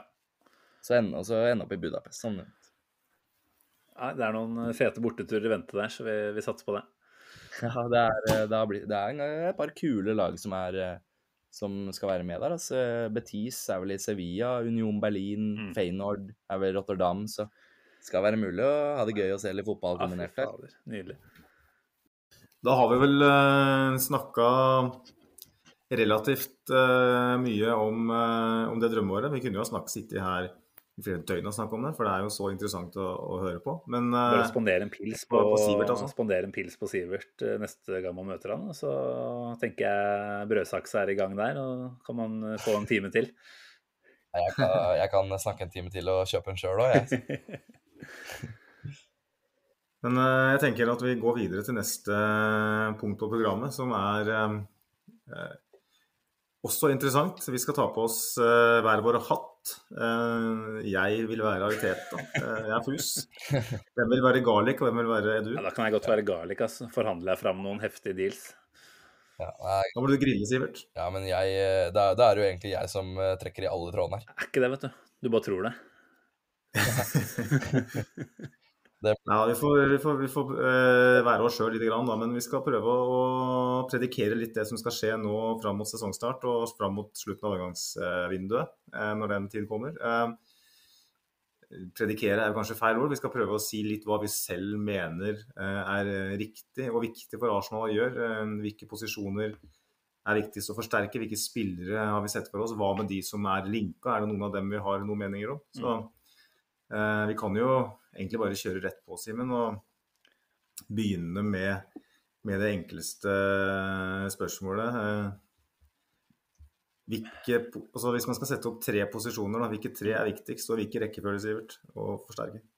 Eh, spør meg nå? Jepp. OK. Spiss eh, nummer én. Og angrepsspill... Eh, eh, Wide forward. versatile angrepsspiller nummer to, altså spiss, kant eh, ah, Ja, angrep, ja. En sånn uh, eh, Til å være foran Ødegaard der. Mm. Uh, enda en sånn. To av de. Og eh, en midtbanespiller til å, til å ta litt eh, Ta litt, eh, litt av arbeidsoppgavene til Party og Sjaka. For de, de tar ikke 40 matcher, de, altså. 45-50 match. Null stress. Elnenia forlenga, så det går fint. Det skal du faktisk ikke undervurdere, men eh, jeg har lyst til å ha igjen en til. Så Ja, det, er det, jeg, det er det jeg sier. Jeg er, ikke, jeg er ikke langt unna der, altså. Eh, Jeg må nok si at eh, for meg så er en, eh, en Altså, spissen er åpenbar, helt, helt klart. Altså Selv om Nketia nå, etter rapporten å dømme, signerer på en femårsforlenging og, og blir, så, så er det helt åpenbart at vi trenger en forsterkning der. En som setter inn fryktfaktoren hos motstanderen. Det er det vi trenger. En som virkelig Ja, som de bruker uka før matchen på å frykte at de skal møte. Det føler at jeg, ok, Vi hadde Aubameyang på sitt beste, selvfølgelig, men eh, utover det så, så har det vært tynt. Altså. Eh, For meg så er eh, Ja, vi kan selvfølgelig få en oppgradering, men Saka, Martinelli, Smith-Roe Det er på en måte Det er litt å ta allerede. Så for meg så blir han Ja. andreprien sentrale midtbanen. Litt muskler, litt sånn partyfaktor når de uunngåelige skadeavbruddene hans kommer. I hvert fall hvis vi får som vi frykter. Og så har vi snakka mye om denne venstrebekken, Magnus. Eh, det- føles rart å si på en måte da, med en Tierney som i utgangspunktet er et eh, soloklart førstevalg, men vi veit jo nå etter hvert at han ikke er til å stole på, dessverre. Så får vi jo kanskje håpe på et, et under der, men, men, per i dag så vil jeg faktisk påstå at en, en venstrebekk som kan stå 30 pluss kamper er Hvis man kunne fått den garantien der, da, så hadde det vært et lett tredjevalg innenfor min del. Nå, nå, er jo ikke jeg noen noe ordstyrer, men, men, men, jeg så på Twitter her at det var en fyr som lurte på om, om Tavares var ferdig, og, og, vi måtte inn med ny, ny backup venstreback. Det var Og altså, jeg mener jo helt oppriktig at Tavares er utrolig dårlig. Ut, og jeg mm. ser liksom ikke Det er så greia Folk sier sånn det er råmateriale der, og det kommer til å bli bra, men jeg ser det ikke. Jeg ser det virkelig ikke. Og jeg møtte, jeg møtte et par portugisere i landet òg som, som fulgte Benfica, var ikke der han kom fra, ganske tett. Og de sa han var helt jævlig dårlig der òg. Og da blir jeg sånn mm. jeg, jeg, tror på det. Mm. Jeg ser ikke en spiller der. Uh, ja, så det, det, er helt greit å bomme litt i overgangsmarkedet. Alle, alle klubber gjør det fra tid til annen, og der mener jeg åpenbar uh, bom. Ja. Ja. Um, det er eh, delte meninger om Tavares. Det er nesten begynt å bli litt sånn polariserende.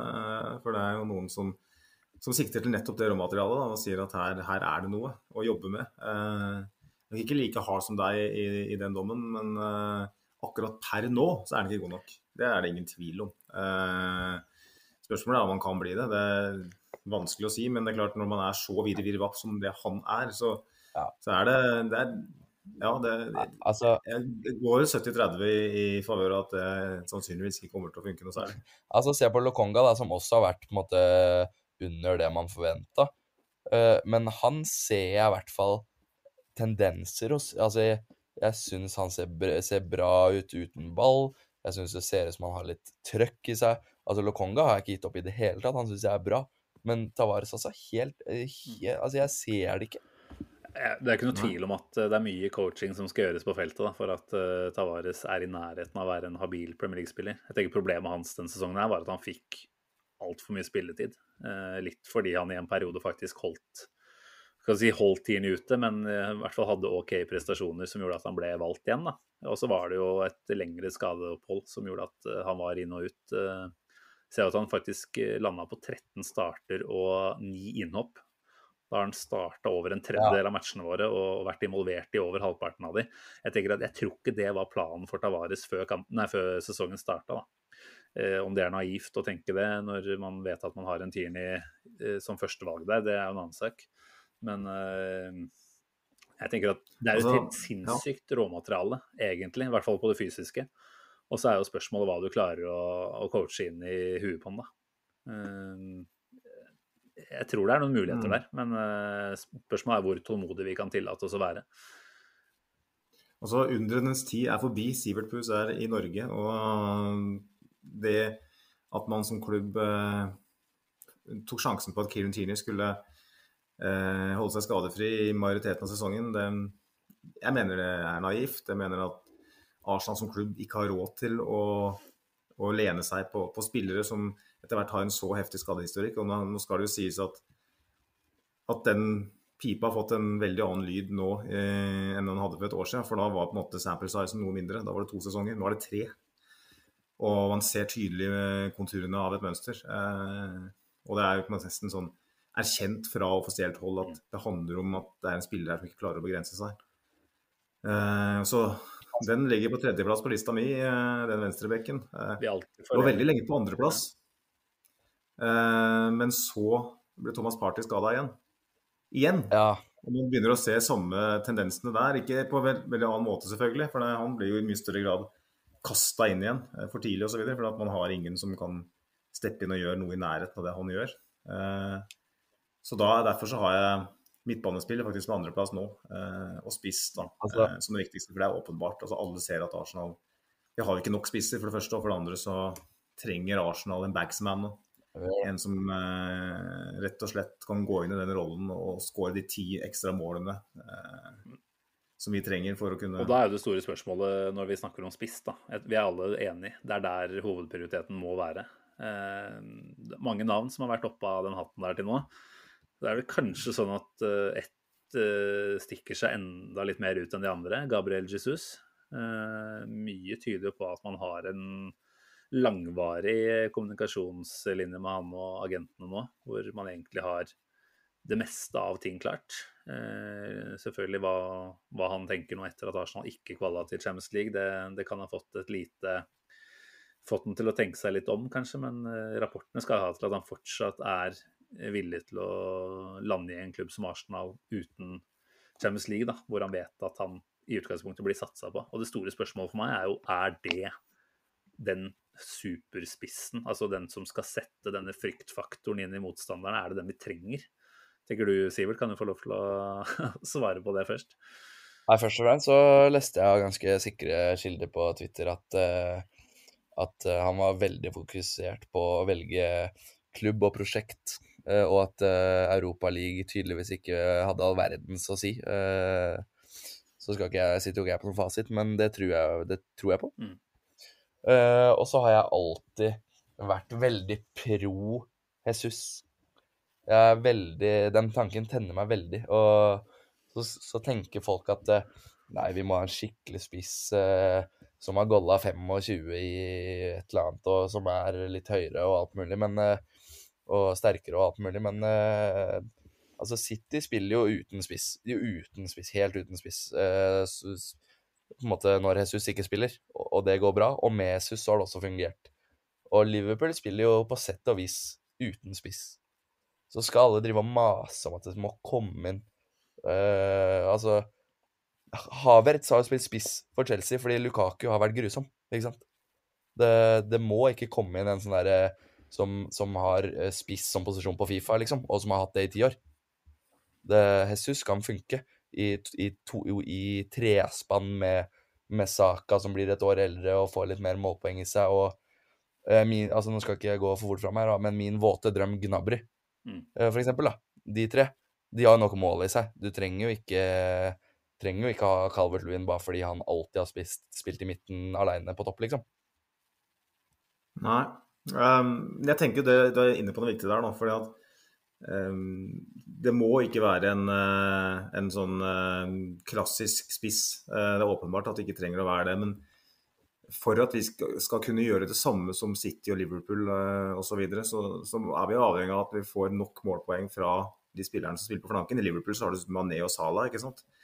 Det er toppskåreren i Premier League, og så han som er på tredjeplass. ikke sant? Og I City har man jo mål i hele laget, nesten. og Eh, der kan Martinelli steppe opp og være den målskåreren vi håper at den kan være. Kan vi få kloa i en, en Genabri, som er, òg min våte drøm. Eh, så det er liksom litt sånn Mané var, jo, Mané var jo ingen toppskårer i Premier League da han spilte i, i Southampton og, og Salah i, i, i Roma. Uh, så det her er bare sånn Her er jeg sånn veldig sånn Hvis Arteta ønsker han, ønsker jeg han også. Eh, det er den mentaliteten jeg har til absolutt alle. Og det, bare for å uh, gå veldig kjapt tilbake til det Ja, jeg sagde Tavares litt, men hvis Arteta mener at han er bra nok, så er det ikke noe annet jeg vil enn at han skal lykkes. og det er, samme er det med, med Martinelli og, og Enketia. Hvis Enketia har signert femårskontrakt nå hvor, til en verdi av 26 millioner pund, og hvis Arteta mener at han er god nok til å rullere og, og starte 13-14 Premier League-kamper, så syns jeg det også. Blind uh, tro på et der, altså? Ja. Uh, veldig. Så, så kan, det, kan jo det Eller altså, det veit jo jeg er dømt til å bli et mislykka utsagn, fordi det finnes jo ikke en trener i Europa som ikke på en måte går inn i en dårlig tre-fire måneder og får sparken. Alle får sparken til slutt. Det er det eneste ja, som er sikkert. Om det er om, om det er om, tre måneder eller tre år, så, så, så kommer det jo mm. til å komme en eller annen kar og si 'hva var det jeg sa'? Ja. Men akkurat nå så har vi jo ikke råd til å gjøre noe annet enn å bare tro 100 på Arteta. Nei, jeg er helt enig, og jeg tenker jo den tilliten der har han gjort seg fortjent til etter, etter det forrige overgangsvinduet, eller etter i fjor sommer. Da skjedde det så helt Altså, det vi holdt på med da, det er vel nesten uten sidestykke. Å hente såpass stor mengde spillere, og nesten alle slår til på den måten de gjør. Det ja, altså, er ekstremt, altså. Troen min på Arteta endrer seg ikke fra runde 36 til 38, altså. Ja, det, det. det gjør den ikke. Men, eh, men altså, jeg er helt enig i at eh, en Jesus sikkert kan by på mye samba med noen av disse andre angreps-S-a våre, men, eh, men for meg så ja, han, han, har sikkert til gode å vise sitt aller beste. Det er klart, få full tillit og, og bli bygd et lag rundt. Da. Det, det, vil jo få fram nye sider hos han nå, vil jeg tro. Men og, og, alt tyder på at han er en ekstremt smart spisstype. Altså beveger seg godt i boks og når han får muligheten til det. Han har vært mye på høyrekanten i City nå. Uh, for meg så handler det kanskje litt om at det blir det blir litt for lite skal vi si, Det blir mye plan A, og så har vi veldig lite plan B når vi har kombinasjonen Jesus og Enketa, da, hvis det er den vi skulle ende opp med. Da, da, er man på en måte litt der som vi har vært, frykter jeg, da, at man uh, låser seg til å måtte finne ut av det på den ene måten, og så, og så har man kanskje ikke nok å by på når det butter, da. Altså skal ikke si at en Ketia ikke kan begynne å skåre mål på, på, innlegg eller noe sånt, for det, det hender jo at han gjør det òg. Men uh, altså, min, altså, min, ideelle spiss er jo, uten at jeg har sett eh, Darwin Ones f.eks. I, i Benfica altfor mye, jeg har sett den litt i Champions League, men der har du på en måte en som både kan fungere langs bakken og i lufta, da, sannsynligvis. Jo, altså uh, Nunes har jeg også bitt meg merke når jeg har sett på Benfica spille i Champions League. Uh, men så må jeg bare fordi altså, de fleste jeg prater med, nevner det her om plan B. At man skal legge opp til å ha en plan B og det der. Uh, og da pleier jeg å svare det at det vi alle for forelsket oss i med Wenger, og som funka så bra, og som du ser skjer i Nå skal ikke jeg drive og sammenligne meg med det hele tida, men det som skjer i City, Liverpool, Chelsea, alle de klubbene her, det er at de, de, de angriper, og så vinner de tilbake ballen på deres halvdel, og så kverner de i i 60 minutter. da. Mm. Det står på 40 meter og inn omtrent hele matchen og bare stanger litt og stanger og stanger, men så åpner det seg. Og det virker jo veldig som at det er det Arteta prøver på også. Uh, det virker som det liksom er den klare planen å bli overlegne, rett og slett, i banespillet. da. Sånn at du ikke trenger å begynne å slå langt og slå inn på en uh, Ivan Tony eller en for eksempel, da. Mm. Nei, jeg, jeg, jeg, støtter jo den, den, biten der. Og jeg tenker at hvis det er som du sier, at Arteta på en måte har identifisert Jesus som den som kan gjøre akkurat det han ønsker for å spille den fotballen man prøver å få til, da, og det ikke er noen andre realistiske mål der ute som kan gjøre det, da, da er jeg for så vidt enig med deg. Da, da har jeg tillit til Arteta der. Men uh... Jesus har jo f.eks. Uh, uh, helt i toppen av Premier League av antall uh, pressinger og spurter per 90 minutter. Og jeg tror det liksom er sånne detaljer i, i spillet som Arteta er gæren nok til å se etter. Mm.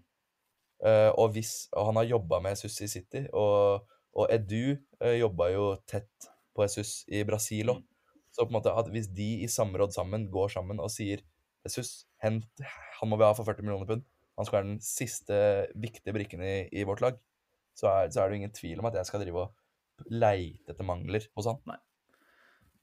Det er vår jobb, Simen, som et sånt uh, medium vi er. Uh, jeg er jo litt enig med deg, Simen.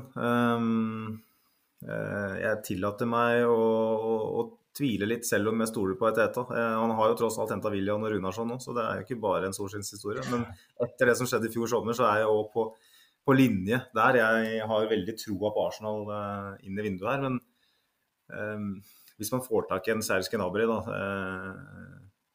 så, så, tenker jeg da er CSOs godt nok. Uh, men jeg er liksom litt redd for det samme som det du er, Simen. At uh, er det nok? Uh, han har på en måte sånn mekanisk sett ferdighetene til å gå rett inn i en Ariteta-elver og spille i hans, hans, ånd. Men jeg føler jo sånn som Liverpool har hatt en Divo Korigi, da. hvor mange trofeer færre hadde de hatt hvis han ikke var der? Altså, de der de der kampene som står og vipper litt. Ja, det er, det er, men vi har jo Hale End van Persie. Enketia. Ja. jo, men han var jo veldig dårlig på å komme inn i, i kamper. Det var først når han fikk starta litt at, at det funka, men det kan hende at han, han kan bli det. Men uh, jeg vil jo ha en spiss som, som, har både de kvalitetene som Jesus har, men òg uh, eh, kan spille på en litt annen måte. Uh, jeg er en av de som er litt frista av tanken av Calvert Lewin. Nå har han hatt en veldig svak sesong, han har vært mye skada. Eh, sånn sett så er det kanskje litt skummelt å gå for det nå. Han har vel òg gått ut og sagt at han har slitt med litt mentale utfordringer. Eh, som er stort av han å komme og, og si offentlig, for all del. Eh, men den profilen han har, da Kanskje er Darwin Nunes da en safere bet, men han har eh, høyden, smidigheten, dynamikken. Eh, han er relativt god eh, Jeg tror han har i hvert fall ferdigheter til å bli ganske god i et likeoppspill, eh, hvis han blir eh, kjørt på det. Han er, Han er så atletisk. Han er voldsomt atletisk. Eh, han kan Jeg tror han kan skåre omtrent alle typer mål. Eh, samtidig som han ikke nødvendigvis gjør oss så mye svakere i en oppspillsfase. Så Så er det jo alltid det at vi, vi veit jo ikke hvem som er realistisk og ikke. Altså, en Nones er vel kobla ganske kraftig til United de siste ukene. Eh, stemmer det. er klart, Nå er vi tross alt i samme sportslige utgangspunkt som det de er. Vi kan tilby Europaliga-fotball neste år. Eh, de har Ronaldo neste år, så det er klart at det vil jo by på en reell utfordrer for den spissplassen der, da, til den som eventuelt skulle komme inn. Men eh, hvis vi skal trekke oss et skritt tilbake, så må vi vel kanskje erkjenne at United har en større pool enn det vi selv har. I hvert fall når det, det sportslige er på det samme planet. da. Og med ny trener og den pakka der. Så det er umulig egentlig å si, da, når man nå ikke vet hva er eh, Altså hvem er det de ser etter i det hele tatt, og, og hva tenker de ulike. Men jeg tror det er mye som tyder på at Jesus er den mest realistiske per i dag, da. Eh, Magnus, hvis du, skal, Ja. hvis du skal ta realisme helt ut av bildet Hvis, eh, hvis du fikk 60 millioner pund i kontanter til å bare legge bare på overgangssum, ikke noe totalpakke, hvem er det du hadde henta da på topp? ah, Den er vanskelig. Den er jævlig vanskelig, for jeg klarer ikke å ikke være realist heller, på en måte. Um, men så er jeg, er jeg nok litt der at ehm, at, eh, at Arsenal med uten Champions League er attraktivt for de aller fleste. Så der, jeg tenker jo det lille jeg har sett av Darwin Nunes, alt jeg leser om ham, og alle tallene og alt sånt, den typen, så ville jeg kanskje ha gått, gått, gått for han. Jeg vet ikke, det er ingen andre åpenbare sånn top of my head, altså. Altså, overganger blir jo stort sett et eh, puslespill som er eh, Det er ikke bare å gå og hente. Og det gjør at eh, Mané til Bayern, som jeg leser mye om nå, gjør meg veldig glad for å kanskje åpne opp en liten, liten luke til Serge. Yes. Det er, Det kan vi godt snakke litt om, ja. Det tenker Ja, det er- jeg vi må bruke litt tid på nå. det er, det er på For meg så er det like viktig som å hente en spiss. Altså få en gang Altså, Gnabry er en spiller som hadde gått rett inn i laget og, og, og bare heva det med en gang på treningsfeltet, på stadion. Han hadde, gitt den bussen. Altså ah, det, det, Tallene jeg leser på Twitter, er 35 millioner pund, 40 millioner pund. Det er jo ingenting. Nei, Det, det er jo peanøtter. kontrakt som går ut neste år. Så det er jo klart at uh, med det Mané-bakteppet, så er det jo veldig mye som tyder så. på at Bayern vil selge. Vi sliter jo med å skåre mål. Han, han er nummer to på expected assist per 90-minutter i hele Europa. Alle topp fem-ligaer.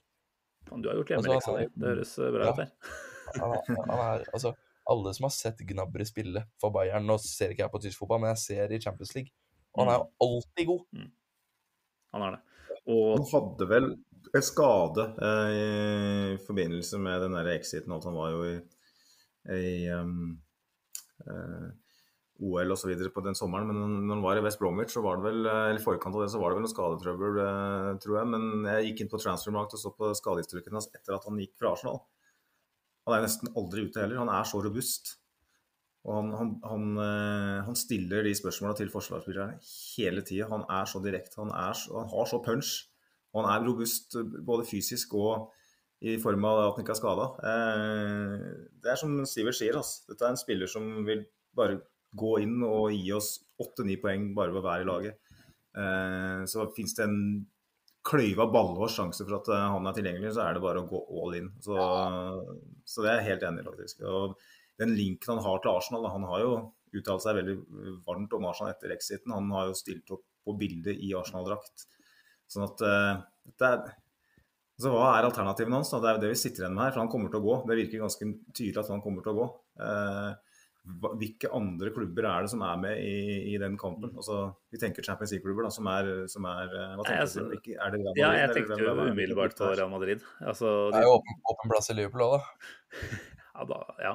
Han er, han er jo så god. Men den er ikke så åpen når de har henta Luis Diaz da, og har en Jota der også. Er- Nei, men eh, må du ikke erstatte 20 mål i, i ligaen? Jeg tenker kanskje at de allerede mener å ha begynt å erstatte de med å hente Jeg, Luis Diaz. jeg håper du har veldig rett. Men eh, nei, hvem vet hva de tenker der. Jeg frykter jo Jeg tror ikke Gnabry Altså, bruker oss som en sånn uh, faktor i en, uh, i en sånn overgangssaga hvor f.eks. Real Madrid er involvert. Men det er jo lett å tenke seg at et, en klubb som Real Madrid kan uh, vurdere en Gnabry som en slags som light-erstatter til Mbappe, da, som de ikke fikk. Uh, men jeg, jeg, har veldig, veldig forhåpninger om det, faktisk. Jeg må si det. Jeg lar meg stort sett forføre av de fleste sånne fristende tanker, Magnus, og begynner å bli altfor optimistisk eh, altfor kjapt. Det, det, kjenner du til. Så jeg blir sikkert skuffa igjen, da, i verste fall. Men uh... ja, det er det som er med altså, Så skuffa som du var etter den uh, Tottenham-kampen, det var jo ja, Newcastle-kampen altså, var vel uh... Hva var Tottenham når du var på fylla der? Eh, ja, da var, jeg, da var jeg også skuffa. Ja, jeg som da er pessimist, som kanskje så det komme, eh, klarte da å spille inn pod på direkten etterpå, mens du bare Nei. Var det da du spilte? Det var Newcastle, Nei, det var Newcastle, det var Newcastle forresten. Det var ikke aktuelt. Nei, vi får se. Eh, så, du, må, du, må, du, må, bli litt mer Ludvig. Ja, kjedelig, da. Kjedelig. Nei, men Gnabry og Jesus, da er vi på en måte begynner, begynner å bli ganske godt forspent på de offensive plassene da, hvis vi får inn de to. Ja, skal, så har vi litt å rotere med òg i Martinelli og Saka eh, Jeg sier hele tida at de blir et år eldre. og det, det skal du ikke undervurdere. Altså. Men, men, et par navn til der. da, altså, Nå er det ikke like spennende, men jeg tenker når vi, nå skal liksom, vi skal prøve å snakke litt stallbygging. da, altså Arteta har vært tydelig på at han ønsket 22 utspillere, tre keepere. Så enkelt er det. Eh, 22 spillere som kan rotere og rullere nå i en sesong med Europaliga. Det er jo fortsatt et par navn til som trengs da, for å liksom fylle opp den angrepsrekka totalt. Eh, vi har én ut på lån. Nei, vi har to ut på lån. Eh, både Nelson og Belogan. Eh, Starte med Nelson. Eh, har vi noen tanker om hva som kan og bør skje der? Altså, for min del så var han egentlig helt ute av bildet, med tanke på at jeg hadde allerede begynt å drømme om Champions League. Men når vi, når vi nå skal inn i Europaligaen, er det en mulighet for at Nelson kan komme tilbake og, og være en stallspiller? eller har Arsenal-tida hans sett sin ende, tenker vi nå? Ja, altså, jeg kan jo Han har ikke løfta noen uh, øyenbryn i æresdivisjonen. Og, og så Ja, han begynte å starte litt på slutten nå i Conference League og, og starta i finalen der også. Det er jo sikkert en spiller der, og jeg skjønner på en måte hvor du vil. Så jeg er med på, hvis vi får en litt død gruppe i Europa League f.eks., la han bli med på preseason tour. La han spille borte mot uh, Karabag i Europa League og, og, se om han på en måte blir varm i trøya. da. Men uh, men hvis ikke, så, så mener jeg på en måte at uh, det, han, det skipet har litt seilt. Mm. Altså, hvis han, hvis han liksom er en del av en 22-mannstropp fram til januar, da, og ikke liksom får så mye som et sniff av uh, førstelagsfotball, eller å vise et glimt av kvalitet, mm. så, så er, må vi vel begynne å være litt mer uh, kyniske. Og, mener jeg, da. Mm. Ja, og Spørsmålet der er jo kontraktsituasjonen nå. Han er vel ute til uh, neste sommer, er han ikke det? Han fikk vel en jo, så, uh, års forlengelse, så det er klart at skal du ha noen penger, da, så, så, er du ute nå. Ja, for da er det januar. For å få noe, bare liksom to millioner pund fra han, så er det januar. Mm. Og så blir han 23 år i desember. Eh, ja. Han er ikke en unggutt lenger. Eh, jeg tenker vi, har, eh, vi er ikke der nå eh, at vi skal beholde han i tilfelle han slår til om eh, to år. Liksom. Vi har en Omari Hutchinson som kanskje allerede nå til høsten i Europaligaen kan mm. bekle en, en høyrekantrolle. Um, så jeg, som Wenger ville sagt, jeg vil ikke drepe Omar Hutchinson. Så da ja. tenker jeg Reece Nelson kan uh, pakke sakene sine. Altså. Ja. Okay. Jeg tror vi er på bølgelengde der, altså, Magnus. Ja. for meg så blir det et sånn spørsmål hvor mange spillere skal ut totalt sett. Da. Nå er han jo for så vidt ute allerede, så han er kanskje ikke med i noen beregninger. men over til neste navn, da, Balogun. Jeg tenker at han også bør ut igjen. Eh, det er et sånn så som så-utlån. Når man nå har Nketia, man har på alle, etter alle solmerker en ny førstespiss inn i tillegg. Da blir det begrensa med spilletid, så da, da, må jo han også ture, da. Eh, Der er jeg mer på utlån. Ja, sa jeg ikke det? Det var det jeg mente, i hvert fall. Ja, ja. der er jeg med på den. Altså, jeg mener at får vi i nærheten av 7-8-9 millioner pund for Nelson, så er det bare bye bye, liksom. Mm. Men uh, Balogen, der er jeg mer, uh, mindre brutal. Altså. Det mener jeg. Uh, et utland til. Se åssen det går. Mm. Uh, nå sitter jo ikke jeg på Jeg liker jo Balogen. Og da jeg bodde, bodde, i London nå, så så jeg mye på QPR òg. For onkelen min er QPR-fan. Og, Og jeg var, jeg var, skikkelig glad av å gå bort på, på Loftus Road og se på QPR spille lørdag klokka tre. Og uh, da ble det også til at jeg begynte å følge championship litt tettere, bare fordi hvorfor ikke? Jeg ble litt glad i QPR. Og da fikk jeg med meg at, uh, at han gjorde det ganske bra mm. i Middlesbrough. Altså han, hadde, han var alltid frisk når han kom på, hadde et par assist, hadde et par mål. Så der tror jeg faktisk det bor en spiller. altså. Det var egentlig overraskende og, hvor lite spilletid han fikk etter hvert. For jeg ja, følte at, fikk ikke av verden, nei, men, verden, men jeg så at det var en del kritikk ute og, og ble meldt mot uh, trenerne av den årsaken der, da. Det vi vet, er jo at Champions League er verdens hardeste er, Championship er verdens hardeste liga å lykkes i. Mm. Eh, både som uh, trener, lag og spiller. Så det at måte, de ikke lykkes på første forsøk uh, utlandet i øvre del av Championship, det er på en måte greit. altså. Mm. Eh, der, det, der, mener jeg at der eh, kan det fortsatt være en spiller. Ja. Nyttig utlån der, da, med andre ord.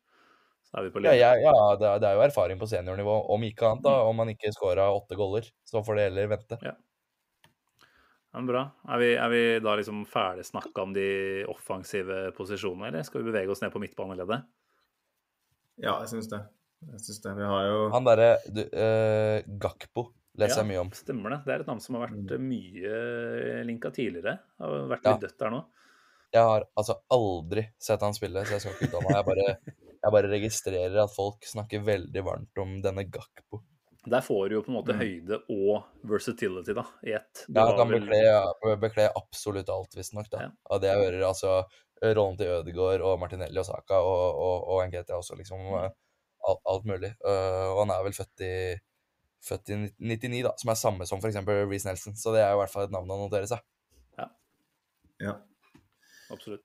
Det blir spennende. altså Ariteta liker jo spillere som kan gjøre flere jobber. Eh, så det er sikkert eh, Det ligger noe der. Du ser måten han henter dekker og stopper og sånn på. Så han liker, han liker eh, anvendelige spillere. Eh, og apropos det, så så den midtbanespilleren som skal inn eh, Kommer fasit. Den spilleren må jo òg eh, kunne gjøre flere ting. Jeg tenker Pga. skadehistorikken til Thomas Partey nå, jeg tenker at nå har vi kommet dit med han som vi var med Tilen i fjor sommer. at nå, nå kan vi ikke sjanse lenger på at det går bra. Nå må vi ha en spiller som både kan spille med Partey og ved siden av Partey.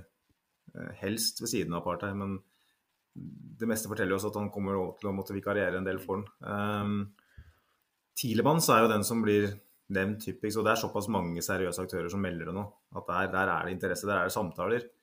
Og at han nå er veldig interessert i å, å joine. Uh, hva tenker vi om det, da, gutta? Er, er, vi, sett, vi, ser jo Premier League, så vi har jo sett Tielemanns en del. Er det, er, det, er det den kurven vi bør legge alle egga i? Ja, for du må ikke legge så jævla mange egg heller, da. I det, altså sånn uh, pundmessig så kan vi jo få han til en relativt OK pris. Det er vel ett år igjen på kontrakten her, så snakker vi om at Leicester krever en 25 millioner pund eller noe sånt. Uh, ja. Høres jo ut som veldig god business i mine ører. Eh, en mann som jo har vært eh, barnestjerne, egentlig, og vært jævlig god på en del områder i, i spillet i Leicester. Men eh, spørsmålet for meg blir hvordan på en måte kompletterer man den midtbanen. Uh, han er jo ikke noe fysisk monster, så føler jo kanskje at du gjør deg litt avhengig igjen da, av at en party er bak der. Eh, hvis man ser for seg en treer eh, hvor eh, Ødegaard og Tilemanns er på hver sin indreløperrolle. Eh, altså selvfølgelig Eleni også kan ta den party-biten defensivt, kanskje, da. Eh, realistisk sett så er det vel kanskje det beste vi kan håpe på, da. Jeg, jeg syns ikke det er noe dum, eh, dum spiller å hente, men jeg vet ikke helt om det som uh, lagmessig sett er det absolutt beste vi kunne fått heller, da. Altså, jeg har sett mye Tilemann, sånn ja. som dere har og alle andre her. Og jeg må si at jeg har latt meg imponere av han mange ganger. Mm. Og så når uh, Romano liksom melder at, uh, at vi er i direkte kontakt med, med Leicester, så altså uh, Det fyller jo ikke Altså, fyller jo, tikker jo ikke alle boksene. Det er du inne på, og det er jeg helt enig i. Men uh, å plukke opp Tielemanns for 25 millioner pund, det mener jeg at uh, det, skal, det burde alle seriøse klubber uh, vurdere. Mm. Og det, og det, er en tanke som du er inne på det selv nå, at Arteta har uttalt at han vil over til en firer, en bakre firer, og så to treere. Altså, altså en ganske, ganske satt 4-3-3. Det er jo det som er målet hans. Og, og det, er, det er jo det Tielemanns har spilt hele tida i Leicester òg. Uh, og, og, og en, det er en rolle han har gjort uh, med glans. Jeg, men jeg tenker De han har henta, det er jo Han er jo proven i Premier League, og det hjelper. Mm. Men de han har henta, det er jo liksom Det er jo liksom karakterer som løfter uh, en garderoben. da. Ramsdale. Folk snakker om karismaen hans, måten han skriker til forsvarsspillerne, måten han løfter laget på.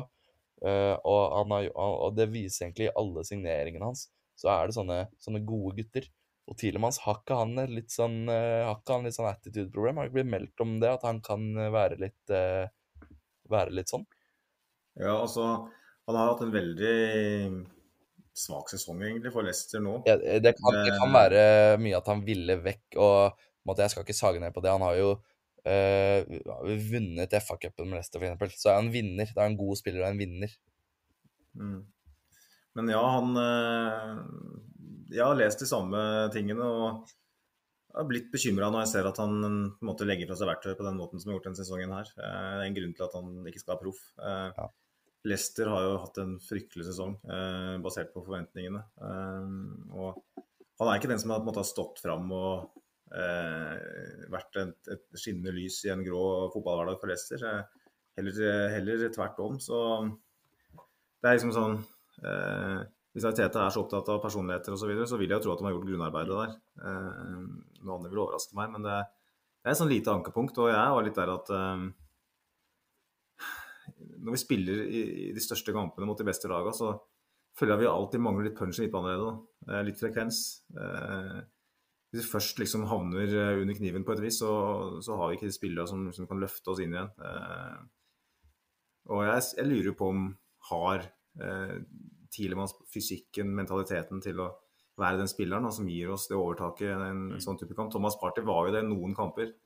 Sitte hjemme f.eks. han eh, rett og slett lekte med Rodry og sånn. Eh, altså det er jo sånn, det er utopi nesten å tenke at en spiller i Arsenal skal være så god, eh, med tanke på hvor vi er. Eh, men jeg føler jo at eh, vi taper mange fotballkamper på, på nettopp det at vi rett og slett ikke har den punchen i midtbaneleddet. Uh, jeg, jeg, ønsker meg mer et fysisk monster, da, men det, det blir veldig det er enkel retorikk. Ja. da. Det er sånn, jeg vil ha en stor, sterk spiller som òg har sine kvaliteter. Hvor mange er det? Begge deler, da. Eh, det er lov, det. Uh, kanskje man altså, egentlig må ha to spillere, da, rett og slett. da. Ja.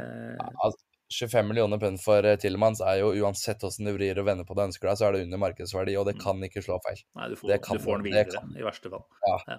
Det verste som kan skje, er at han er helt bedriten ræva. Blir satt på benken av Arteta og blir solgt for i hvert fall 25 millioner. Mm.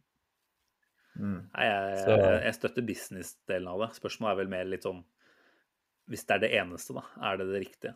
Uh, vi kan jo ta ett navn til når det kommer til fysisk monstre, uh, Magnus. Så har det vært uh, Vi har vært rykta til Yves Zuma nå i sikkert tre år eller noe sånt. Jeg tar med. Men uh, ja. igjen da, så dukker navnet hans opp, og det er jo ikke så rart, for der også er det ett år igjen på kontrakten.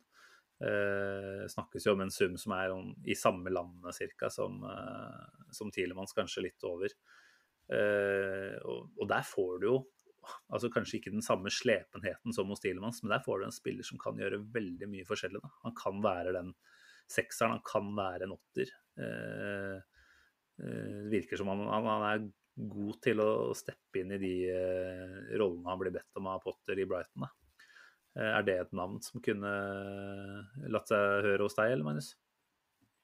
Ja, altså det er veldig mye spennende med, han. Han har råmateriale, definitivt. Og har jo bevist i Premier League nå et par sesonger at han, at han har noe ved seg. Eh, klart, det er milevis forskjell på han og Tilemanns på alle vis. Eh, der Tilemanns har endeprodukt og kanskje kan løfte angrepsspillet vårt, så har jo Bizuma mer det i motsatt ende av banen. Han er den ballvinneren, den ryddegutten, samtidig som han kan ta med seg ball offensivt. Mm. Og skape overtall og ubalanse. Um, jeg syns sånn på mange måter mer fristende med Bizuma, men så må vi ikke gå oss helt uh, vill i, i den, den, enkle retorikken som jeg sikta til i stad. Uh, Casorla spilte jo uh, med bravur for Arsenal eh, på midten. Selv om han var 1,40 og veide 3 kilo, så fikk han ballen eh, feilvendt og klarte å komme seg forbi ledd, ikke sant. Det er det, det, er det alt handler om, på en måte.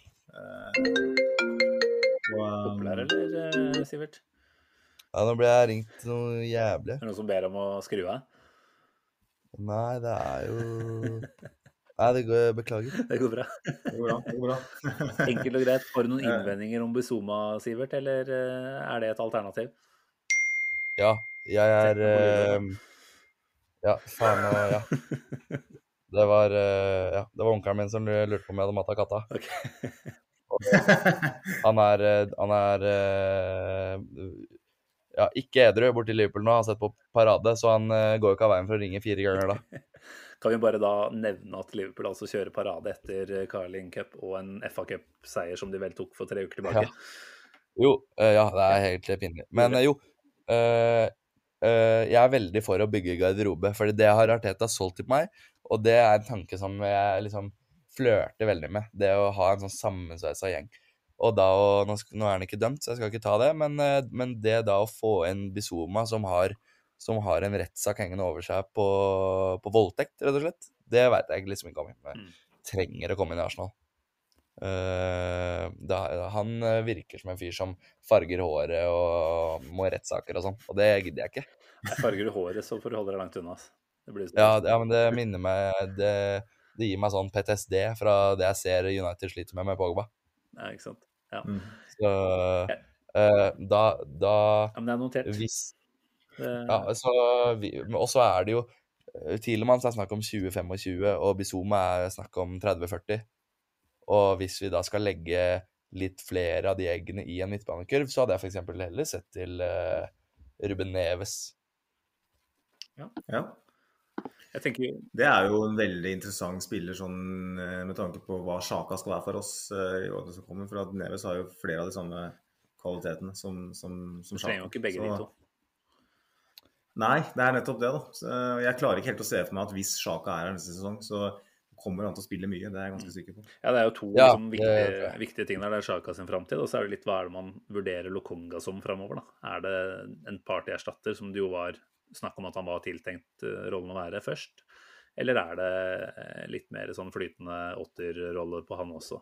Så hva Arteta tenker, det kan vi bare spekulere i og drømme om. Men eh, tenker Ja, vi, vi stadig vekk faller ned på samme konklusjon, Sivert. At det er at vi har tillit til at han uh, veit hva han trenger. Det er nettopp det.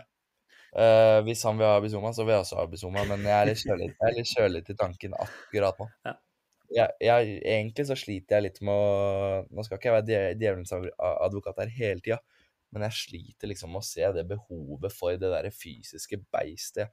Jeg mener at uh, vi skaper litt lite og scorer uh, litt lite. Sett, uh, så jeg mener at kreativitet i form av tidligmanns Awar, et eller annet sånt, er liksom mer tiltrengt. Men ja, det er som jeg nevnte i stad, jeg er jo veldig på disse angrepsspillerne. Jeg syns Party, Elneni, uh, Sjaka, Ødegaard Uh, Det er liksom ganske ålreit dekning. Mm. Men så skal det jo sies at uh, på en måte Patino var inne og starta mot Burnley hjemme i år pga. skader, og det trenger vi jo ikke skal skje igjen.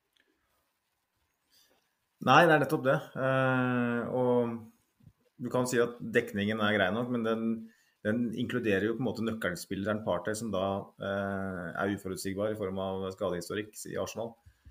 Det er det, det, er det, det er der skoen trykker, først og fremst. Når han forsvinner ut så Hadde han vært skadefri ut sesongen, så hadde vi vært i Champions. League. Han var jo aldri skada i Atletico. Jeg vet ikke hva som skjedde der. Nei, det er merkelig. Men jeg tror det handler litt om hvordan Ariteta har tilnærma seg Party denne sesongen. her. Da. At han kaster den innpå hele tida. Han burde i, i større grad klart å se det store bildet, spesielt fra den Palace-matchen. Da burde han jeg, jeg skal ikke kritisere for hardt, for at jeg hadde sikkert gjort det samme, men for at man, det, det, alt handler jo om neste kamp, de neste tre poengene. Eh, og momentum er en viktig greie. Man skal ikke liksom tape en kamp bare for og tenke at det er greit, at det ikke får noen konsekvenser utover det. For det gjør det jo åpenbart. Men eh, med tanke på historikken der, så burde Arteta kanskje vært litt sterkere der. Eh, Ja, altså Jeg er jo helt enig i det, men hadde vi sett eh, før den Palace-kampen at Party ikke At han satt på benken, da, så hadde jo vi Og vi fortsatt hadde, hadde fått et dårlig resultat, så, så hadde vi jo klikka. Det hadde vært sånn eh, Hvis han er på benken, så er han frisk nok til å starte, så da må du sette inn Party. ikke sant? Du veit åssen det er. ja, ja, ja. Det er det, det, den rollen Arteta har, da, som må være sterk nok i en sånn situasjon. Wenger gjorde det mye, eh, det har han uttalt i ettertid. Eh, og fikk, fikk såra flagra sånn, en del ganger. Henry på benken og sånn en del, en del kamper. Ja. Hjemme mot Tottenham i 2006 blant annet. Husker jeg satt på puben og så lagoppstillinga kom og bare Hva i helvete er det du holder på med nå? Han ryker på benken. Det er helt sykt at dere satt på puben i 2006, altså, gutta. Var i barnehagen, da? ja, jeg var 20 år, jeg. 2006. Jeg begynte på skolen jeg, i 2006. ja, ikke sant. Nei, ja. Nei, men det er sikkert en diskusjon vi kommer tilbake til i løpet av sommeren, Magnus, dette her. Ehm, Men nå, Mm. nå skulle jo lite forsøk på å spå litt inn i framtida, da. Hva er det vi ser for oss, kanskje? Føler ikke at vi er helt ute på landet på noen av de navnene vi har dratt opp her til nå. Ehm, Men en drømmesignering som ikke har vært nevnt, har man noen eh, åpenbare kandidater der, eller Sivert? Eh, nei, altså Jeg kunne jo ønske Leeds gikk ned, så hadde jeg likt å se, plukke opp Rafinha. Mm. Han syns jeg er bra. Og bekler begge kanter og, og og hei. Eh, og så har jeg jo uh, Ja, nei, det må jo være Nei, det må være det. Mm. Rafinha spiller jeg like godt. Apropos Leeds, da, så er det jo vært nevnt Calvin Phillips tidligere òg. Nei, nei. Litt skadeplaga, men jeg ser for meg at han kunne vært en sånn Er det egentlig det? Han er egentlig ikke det. Han har skada én sesongen her. kanskje bare. Ja. Men jeg så historikken hans på Transfermarkt, eh, og der var det ganske tydelig at han eh, sånn gjennom karrieren har slitt lite med skader. Skal, skal Cedric ut, så kunne jeg gjerne likt å se han godeste Jed Spence, som rykka opp i dag. Cedric skal aldri ut, så bare slapp helt av. Han blir. Ja. Nå, nå, nå forskutterer du skjemaet, Sivert, for nå beveger du allerede ned til forsvarslinja. Eh, Vi kan jo egentlig gå kjapt ned dit nå, da. Det er ikke så mye det. Det er ikke så mye som er uklart der. Eh, Men det er ett viktig navn som vi må snakke om, og det er jo da selvfølgelig William Saliba. Eh, vanskelig kanskje per i dag å vite hvor den eh, snøballen ruller hen. Eh, mye forskjellige rapporter. Altså Arteta var jo så tydelig som han kan få blitt i dette intervjuet med RMC Sport i Frankrike, hvor han sa at eh, eh, Saliba må tilbake. Eh, klarere kan du ikke bli. Og jeg tenker jo at det er jo egentlig da på sett og vis eh, done and dusted. Da er det ikke noe mer å diskutere. Men eh, så er det allikevel såpass mye eh, snakk da fra Frankrike, hvor Saliba jo har bidratt til noe av det. Hvor han har implisert at han gjerne kan bli værende i både Frankrike og, og få spille Champions League.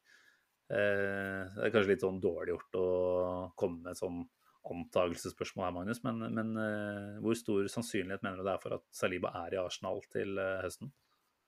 Altså, jeg er litt mer på den 50-50, fordi at eh, Safe. Hva skal Teta si, da? Ja.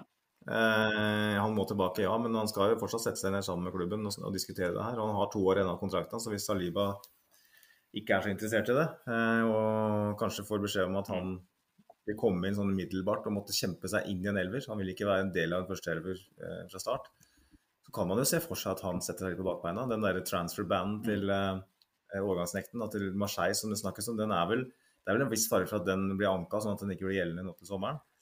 Ehm, eh, så jeg syns det er vanskelig å si, men eh, 50-50, det sier at jeg har ikke peiling. Eh, men jeg håper, jeg, jeg syns det var godt å høre Arteta nesten for første gang uttale seg eh, på den måten om Saliba. For at ja, det er mange som sitter på Twitter og sier at ja, men eh, han er ikke så god av Saliba. Og sånn, liksom. Han er årets unge spiller i, i Liga A og spiller på landslaget til Frankrike. Liksom. Det er jo Selvfølgelig er han en veldig god spiller. Der er det voldsomt mye. Spørsmålet er jo rett og slett er det personlighet uh, som er problemet her. Uh, hvis det er et problem. Uh, og i så fall vil det stå i veien for hans videre Arsenal-karriere. Det blir jævlig spennende å se. Tenker du, Sivert? Nei, jeg tenker at det, det lille jeg har sett og, sett og lest og sånn av Saliba, så virker han helt klasse. Og, og at vi har Gabriel White som har fungert bra, det er veldig bra, det. Men eh, det er klart at Saliba kommer inn her og hever kvaliteten på stallen, hever eh, kvaliteten på treningene, eh, skjerper de to andre, om ikke benker en av de. Eh, så er det jo helt eh, alfa og omega å få beholdt han. Mm.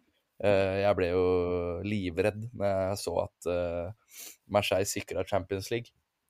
For da kan jo han tenke at faen, jeg trivdes i Marseille, jeg, jeg trives i Frankrike, jeg kom inn på landslaget her, jeg kan spille Champions League her. Det er mange gulrøtter Yes. der òg, selv om det ikke er eh, altså Arsenal, eh, en av Europas største klubber, så er det, så er det en Champions League-klubb som han har uh, lykkes så til de grader i, og det gjør meg litt redd. Mm. Så det å høre at, at Arteta snakka så varmt om han, som, som, som ble nevnt her, det, det gjorde meg litt roligere, for jeg er veldig, veldig interessert Mm. i å ha, inkludere han. Og så er det jo Vi har jo sett White gå ut på, på høyrebekken tidligere eh, når det trengs. Og vi har sett Tomiyasu bekle begge bekkene. Så det er da i en eventuell skadesituasjon, f.eks., å, ha en av Europas mest spennende stoppere til å bare hive rett i miksen der. Mm. Eh, det istedenfor altså Nå digger jeg Robolding, ja, altså, men, eh, men, men, men det er ingen tvil om at det løfter kvaliteten på absolutt alt som skjer i Arsenal, med, med han der. Jeg er helt enig. Jeg tror spørsmålet her er hvor mye Det ligger på Saliba, det ligger ikke på Arsenal, det ligger ikke på det er, det, det er ingen Du finner ikke en Arsenal-fan som, som er seriøs, som sier 'Vi har White og Gabriel, selg han'. Det er det ikke. altså Da følger du ikke noe med på fotball. Nei, helt, helt klart. Nei, Nei, Jeg tenker det Landslagsbiten her er jo en joker som jo også dessverre ikke ser ut til å tale i vår favør nå. da. For det er klart, eh, kommer hun i Arsenal og henvises til en slags eh, tredjerolle bak White og Gabriel, så, så er det jo ikke mange månedene ut av fast eh, fotball som skal til før du også kanskje ryker ut av den troppen til VM. da. Så ser jeg at det er mange Det, det VM-et kommer på et dårlig tidspunkt for vår del. Ja. Rett og slett. Men eh, jeg er helt enig. Vi må, vi må gjøre alt vi kan for å, for å få den med. Og tenker Arteta har jo da i hvert fall sørga for at uh, vi ikke selger den for noe lavere enn det vi absolutt må med disse uttalelsene her. Så, Hvilke franske stopper er det han kjemper mot, egentlig? Jeg vet at det er en som er like ung som han som spilte Champions League-finale i går. han, har jo, han har jo tatt over plassen til han Upamecano etter at han gikk til Bayern, faktisk. Upamecano, Konaté, Varan Det er litt eh, kvalitet der. Det er solid. Wesley altså, Fofana er vel ikke engang med i den eh, diskusjonen der. Så nei, det er mye, altså. mye bra. Altså. Så nei, vi får se hva det, hva det dukker opp der. Eh, bortsett fra det, så er det jo klart er, er helt ute, eller? Hvem da? Beirin er helt ute. Jeg tenkte vi skulle ta en sånn superkjapp Nå går jo tida veldig fort som vanlig her, men jeg tenkte vi skulle ta en superrask eh, status om bare selv eller bli. Hva tror dere skjer med ulike spillere? Bellerin kan vi jo starte med. Eh, etter den eh, uttalelsen han hadde nå, eh, så er det vel ingenting som tyder på at han blir, eller hva tenker dere? Selv eller dra? Nei, selv eller bli? Det er bare å selge. Behrin er den fineste fyren i, i hele Arsenal, eh, vil jeg si. Men eh, det er så åpenbart at han ikke vil være der nå. Eh, han, altså hvis, du er, eh, hvis du leter etter feil med folk, da, eh, så kan man jo tolke de uttalelsene hans på, på flere vis. Eh, sier at han, skal, han er villig til å gjøre hva som helst for å bli Real Det er kanskje ikke sjakktrekk med tanke på overgangssum osv. Eh, for Arsenal sin del, men jeg, jeg tenker at eh, eh, han, han er en så fin fyr. Han har representert Arsenal på en sånn fin måte at han må prøve å finne en, vi må prøve å få til et eller annet der, selv om Arsenal selvfølgelig ikke skal gi den bort. eller noe sånt. Vi må få stå på kravene våre der. Men er jeg, jeg ser ikke noen grunn til at han skal komme tilbake her og være misfornøyd og, og ikke spille eh, mer enn noen få kamper i året. Nei, jeg er helt enig. Jeg mener eh, press den summen så langt opp mot 10 millioner eh, pund som mulig, og så er det bare å ha det Ja, godt. enkelt og greit. Neste navn, eh, Torreira. Hva gjør vi der? Sivert kan starte. Eh, eh, Faen, det her har jeg egentlig aldri tatt stilling til. Jeg liker jo Torreira veldig godt. Ja. Uh, så jeg har aldri sett at jobbe under Arteta heller. Det var jo uh, Behold. Behold, ja. Ok. Nei, jeg, jeg tenker eh, for min del alt tyder på at han ikke blir. Uh, Han likte seg jo ikke i England i det hele tatt. Uh, Alt Altså, dere snakker, dere snakker om at vi, trenger kanskje én eller to krigertyper. Og det kommer jo inn to, to midtbanespillere. Maitland Niles og Torreira. Og jeg mener beholder i hvert fall én av de, og da legger jeg en knapp på Torreira. Ok, Spennende. Jeg hadde ikke trodd den, faktisk. Magnus, hva tror du? Nei, jeg er uenig. Jeg vil, eh, eller vil og vil. Jeg syns Torreira gjorde en veldig god figur eh, i Arsenal, eh, første perioden spesielt. Men det virker ganske tydelig at Arteta ikke er veldig interessert i å jobbe med den. Um, sånn at, og det, er- Han har tross alt gjort det såpass godt i Italia. Han har hatt fire måneds spillerutmerkelser i Fiorentina. Det er jo noe å snakke om i seg sjøl. Og mange klubber, til og med Juventus er jo nevnt også i spekulasjoner. sånn at eh, han, han er det et marked for. Og vi må bli best, bedre på å selge spillere. Og da tenker jeg at det er en mulighet for å ta inn litt cash, rett og slett. Da, samtidig som å kvitte seg med en spiller som man som manageren ikke har Ja, kjempetroa på. jeg tenker, tenker det er ikke noe tvil. Det var vel en slags enighet i utgangspunktet her om at eh, Fiorentina kunne kjøpe den for 15 millioner pund. Men så har vel de trukket seg tilbake derfra nå, sikkert for å forhandle ned, da. Men, eh, Det er en forhandlingsteknikk. men, jeg eh, men jeg tenker at du skal kunne få 15 tilbake for han. Vi punga vel ut nesten 30, faktisk. Så vi går jo åpenbart godt i minus der òg. Men, eh, men få i hvert fall 15 tilbake, så er det bare å, å tute av gårde. Eh, PP, da. Selv. Åh, Ja, tror vi alle er enige. Fortest mulig. Nei, jeg er så ferdig med det at eh, jeg, jeg, gidder, jeg gidder faktisk ikke fortelle hvorfor Jeg, jeg, jeg gidder ikke forsvare hvorfor jeg sier selv engang. Jeg bare Og det er nesten litt kleint, for i forrige episode, så, som jeg satt her, så sto jeg og prata uh, i hvert fall et kvarter av denne episoden om hvor uh, god PP er til å avslutte og ditt og Ja, jeg tok feil sånn selv. Vi hadde han som, eh, jeg hadde han som både årets spiller og årets eh, toppskårer i preview-poden vår i, i august, så jeg legger meg paddeflat sånn sett. Jeg tok feil, og jeg har ikke noe mer å innvende. Han må ut. Maitland Niles Selv. Behold. Okay. Som eh, Beck-alternativ, eller? Swiss Army Knife, Jack of all trades. Få den fyren til å omfavne sitt største talent, da, som er allsidighet. Ja, På de premissene der så er jeg enig, men han er jo han er ikke interessert Han er i det. Han var heller interessert i å spille midtbane på West Bromwich enn å være høyreback hos oss, og da gidder jeg ikke. Men nå har det vært, nå har det vært enda et utlån. Mislykka eh, i. Roma som er mislykka. Eh, det- har vært mislykka det meste, sånn sett. Eh, på et eller annet tidspunkt så må det demre for han òg, tenker Det er jo en lang rekke Arsenal-spillere som har uttalt akkurat det der, at jeg trodde gresset var mye grønnere på andre siden. Eh, Gikk på en permanent overgang, og så innså man jo etter hvert ganske kjapt at dette her eh, var ikke så bra likevel. Maitland Niles har jo retrettmuligheten her, faktisk. Ja, nei, ja, Verste eksempelet der er vel Alexis Sanchez. Han sa vel at han ville at agenten Ja. skulle rive opp kontrakten første uka. Etter første trening, var det ikke det? Alexander Kleb var vel også en ganske tydelig på at eh, han aldri skulle forlate Arsenal. Nei, hvis, hvis, han er, hvis han er interessert i å være backup på høyrebekken, så, så, så er jeg enig på de premissene der. Jeg er enig, men sånn i utgangspunktet så mener jeg selv, altså. Ja, det er mange, mange muligheter. Hva mener du, Steven? Det er du som avgjør her. Hva podden går for. Hva Arsenal sine sportsdirektører i form av oss tre Jeg har nok helt mått at, Gå uh, at tida er over for han, egentlig. Jeg tror, tror ikke han uh, blir å se her til neste år. Og jeg tenker det er, det er greit å få han av gårde for hvis du, hvis du får 10 millioner pund for han. da, så, så er det kanskje, kanskje OK. Jeg vet ikke hvordan kontraktsituasjonen ser ut der, om det er Nei, ett år tror jeg bare. Jeg tror det bare er ett år. Altså. Jeg skal ikke si det for sikkert, men eh, i så fall så er det jo eh, decision time. Det var er veldig deilig å liksom starte høsten nå med en, en tropp hvor det ikke var noen flere spørsmålstegn omtrent. da. Altså Bare tenk på hvordan vi gikk inn i denne sesongen her med ja, mye usikkerhetsmomenter, og så åpenbarte det seg jo selvfølgelig Aubameyang-situasjonen ganske tidlig der, da. Eh, tenk å bare gå inn i en sesong hvor alt er klappa og klart. Alle veit hva fremtiden bringer. Alle veit at de er knytta til Arsenal in the long run. da. Det hadde vært uh, en ekstrem god greie, tror jeg. Så Maitland Niles det er sånn bare, bare avklare det, og så få han videre. Ja. Uh, det er vel ikke så mye usikkerhet rundt uh, Pablo Mari. Han skal vel ture, skal han ikke det? Jo, Ja, må Ja. det er ferdig. Og Leno veit vi at det er på tur, selv om det har vært overraskende stille. Det må jeg jo bare si. Eh, hvor eventuelt veien går for han, det er jo ikke så åpenbart akkurat nå. Der òg burde det jo være mulig å få inn et par uh, Great British. Det skal ikke gå gratis, Leno. Han er jo klassekeeper. Nei, jeg tenker jo syv til ti millioner der, selv om han har Ja. år igjen. Det, det burde være mulig. Burde være mulig, det. ass. Det er klart det er ikke så mye penger på kontinentet i disse dager, men Bundesliga har vel alltid en Der er det OK økonomi i rekkene. Det er, ikke, det er ikke jævlig mange gode keepere som, eh, som eh, står på rekke og rad for å bytte klubb heller. Nei. Nei, jeg tenker at han burde være et stort marked for, egentlig.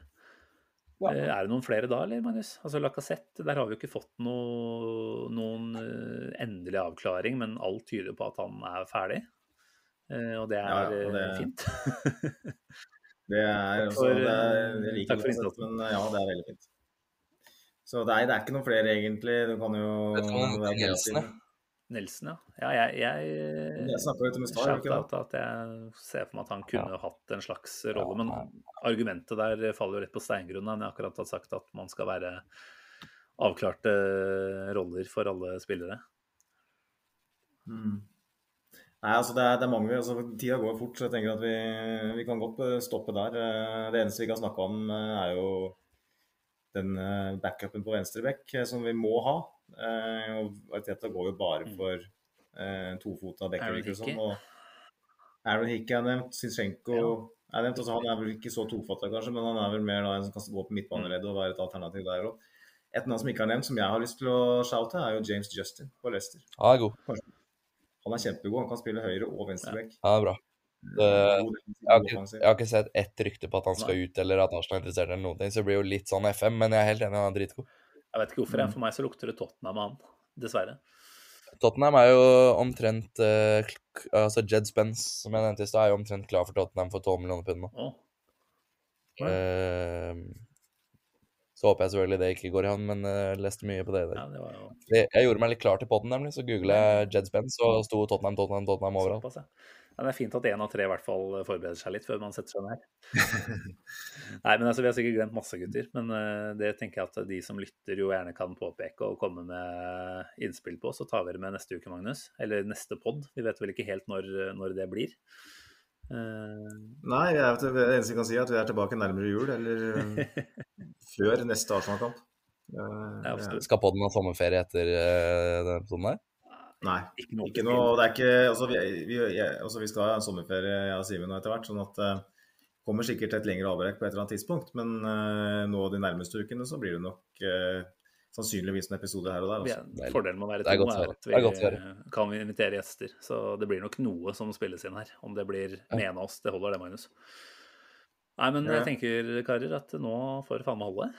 Da klarte vi jo å pushe den opp mot to timer i dag også. Det er jo sånn det skal være.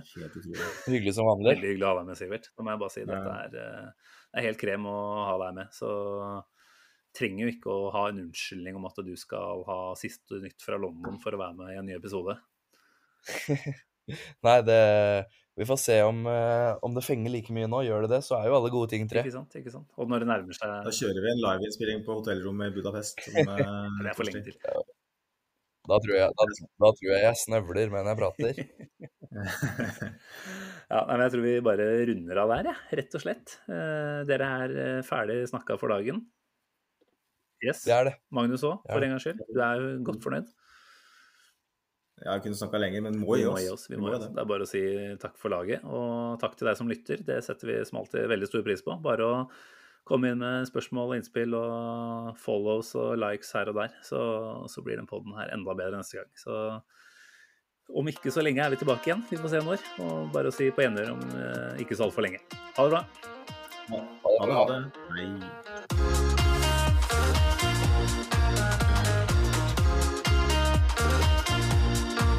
This train terminates here.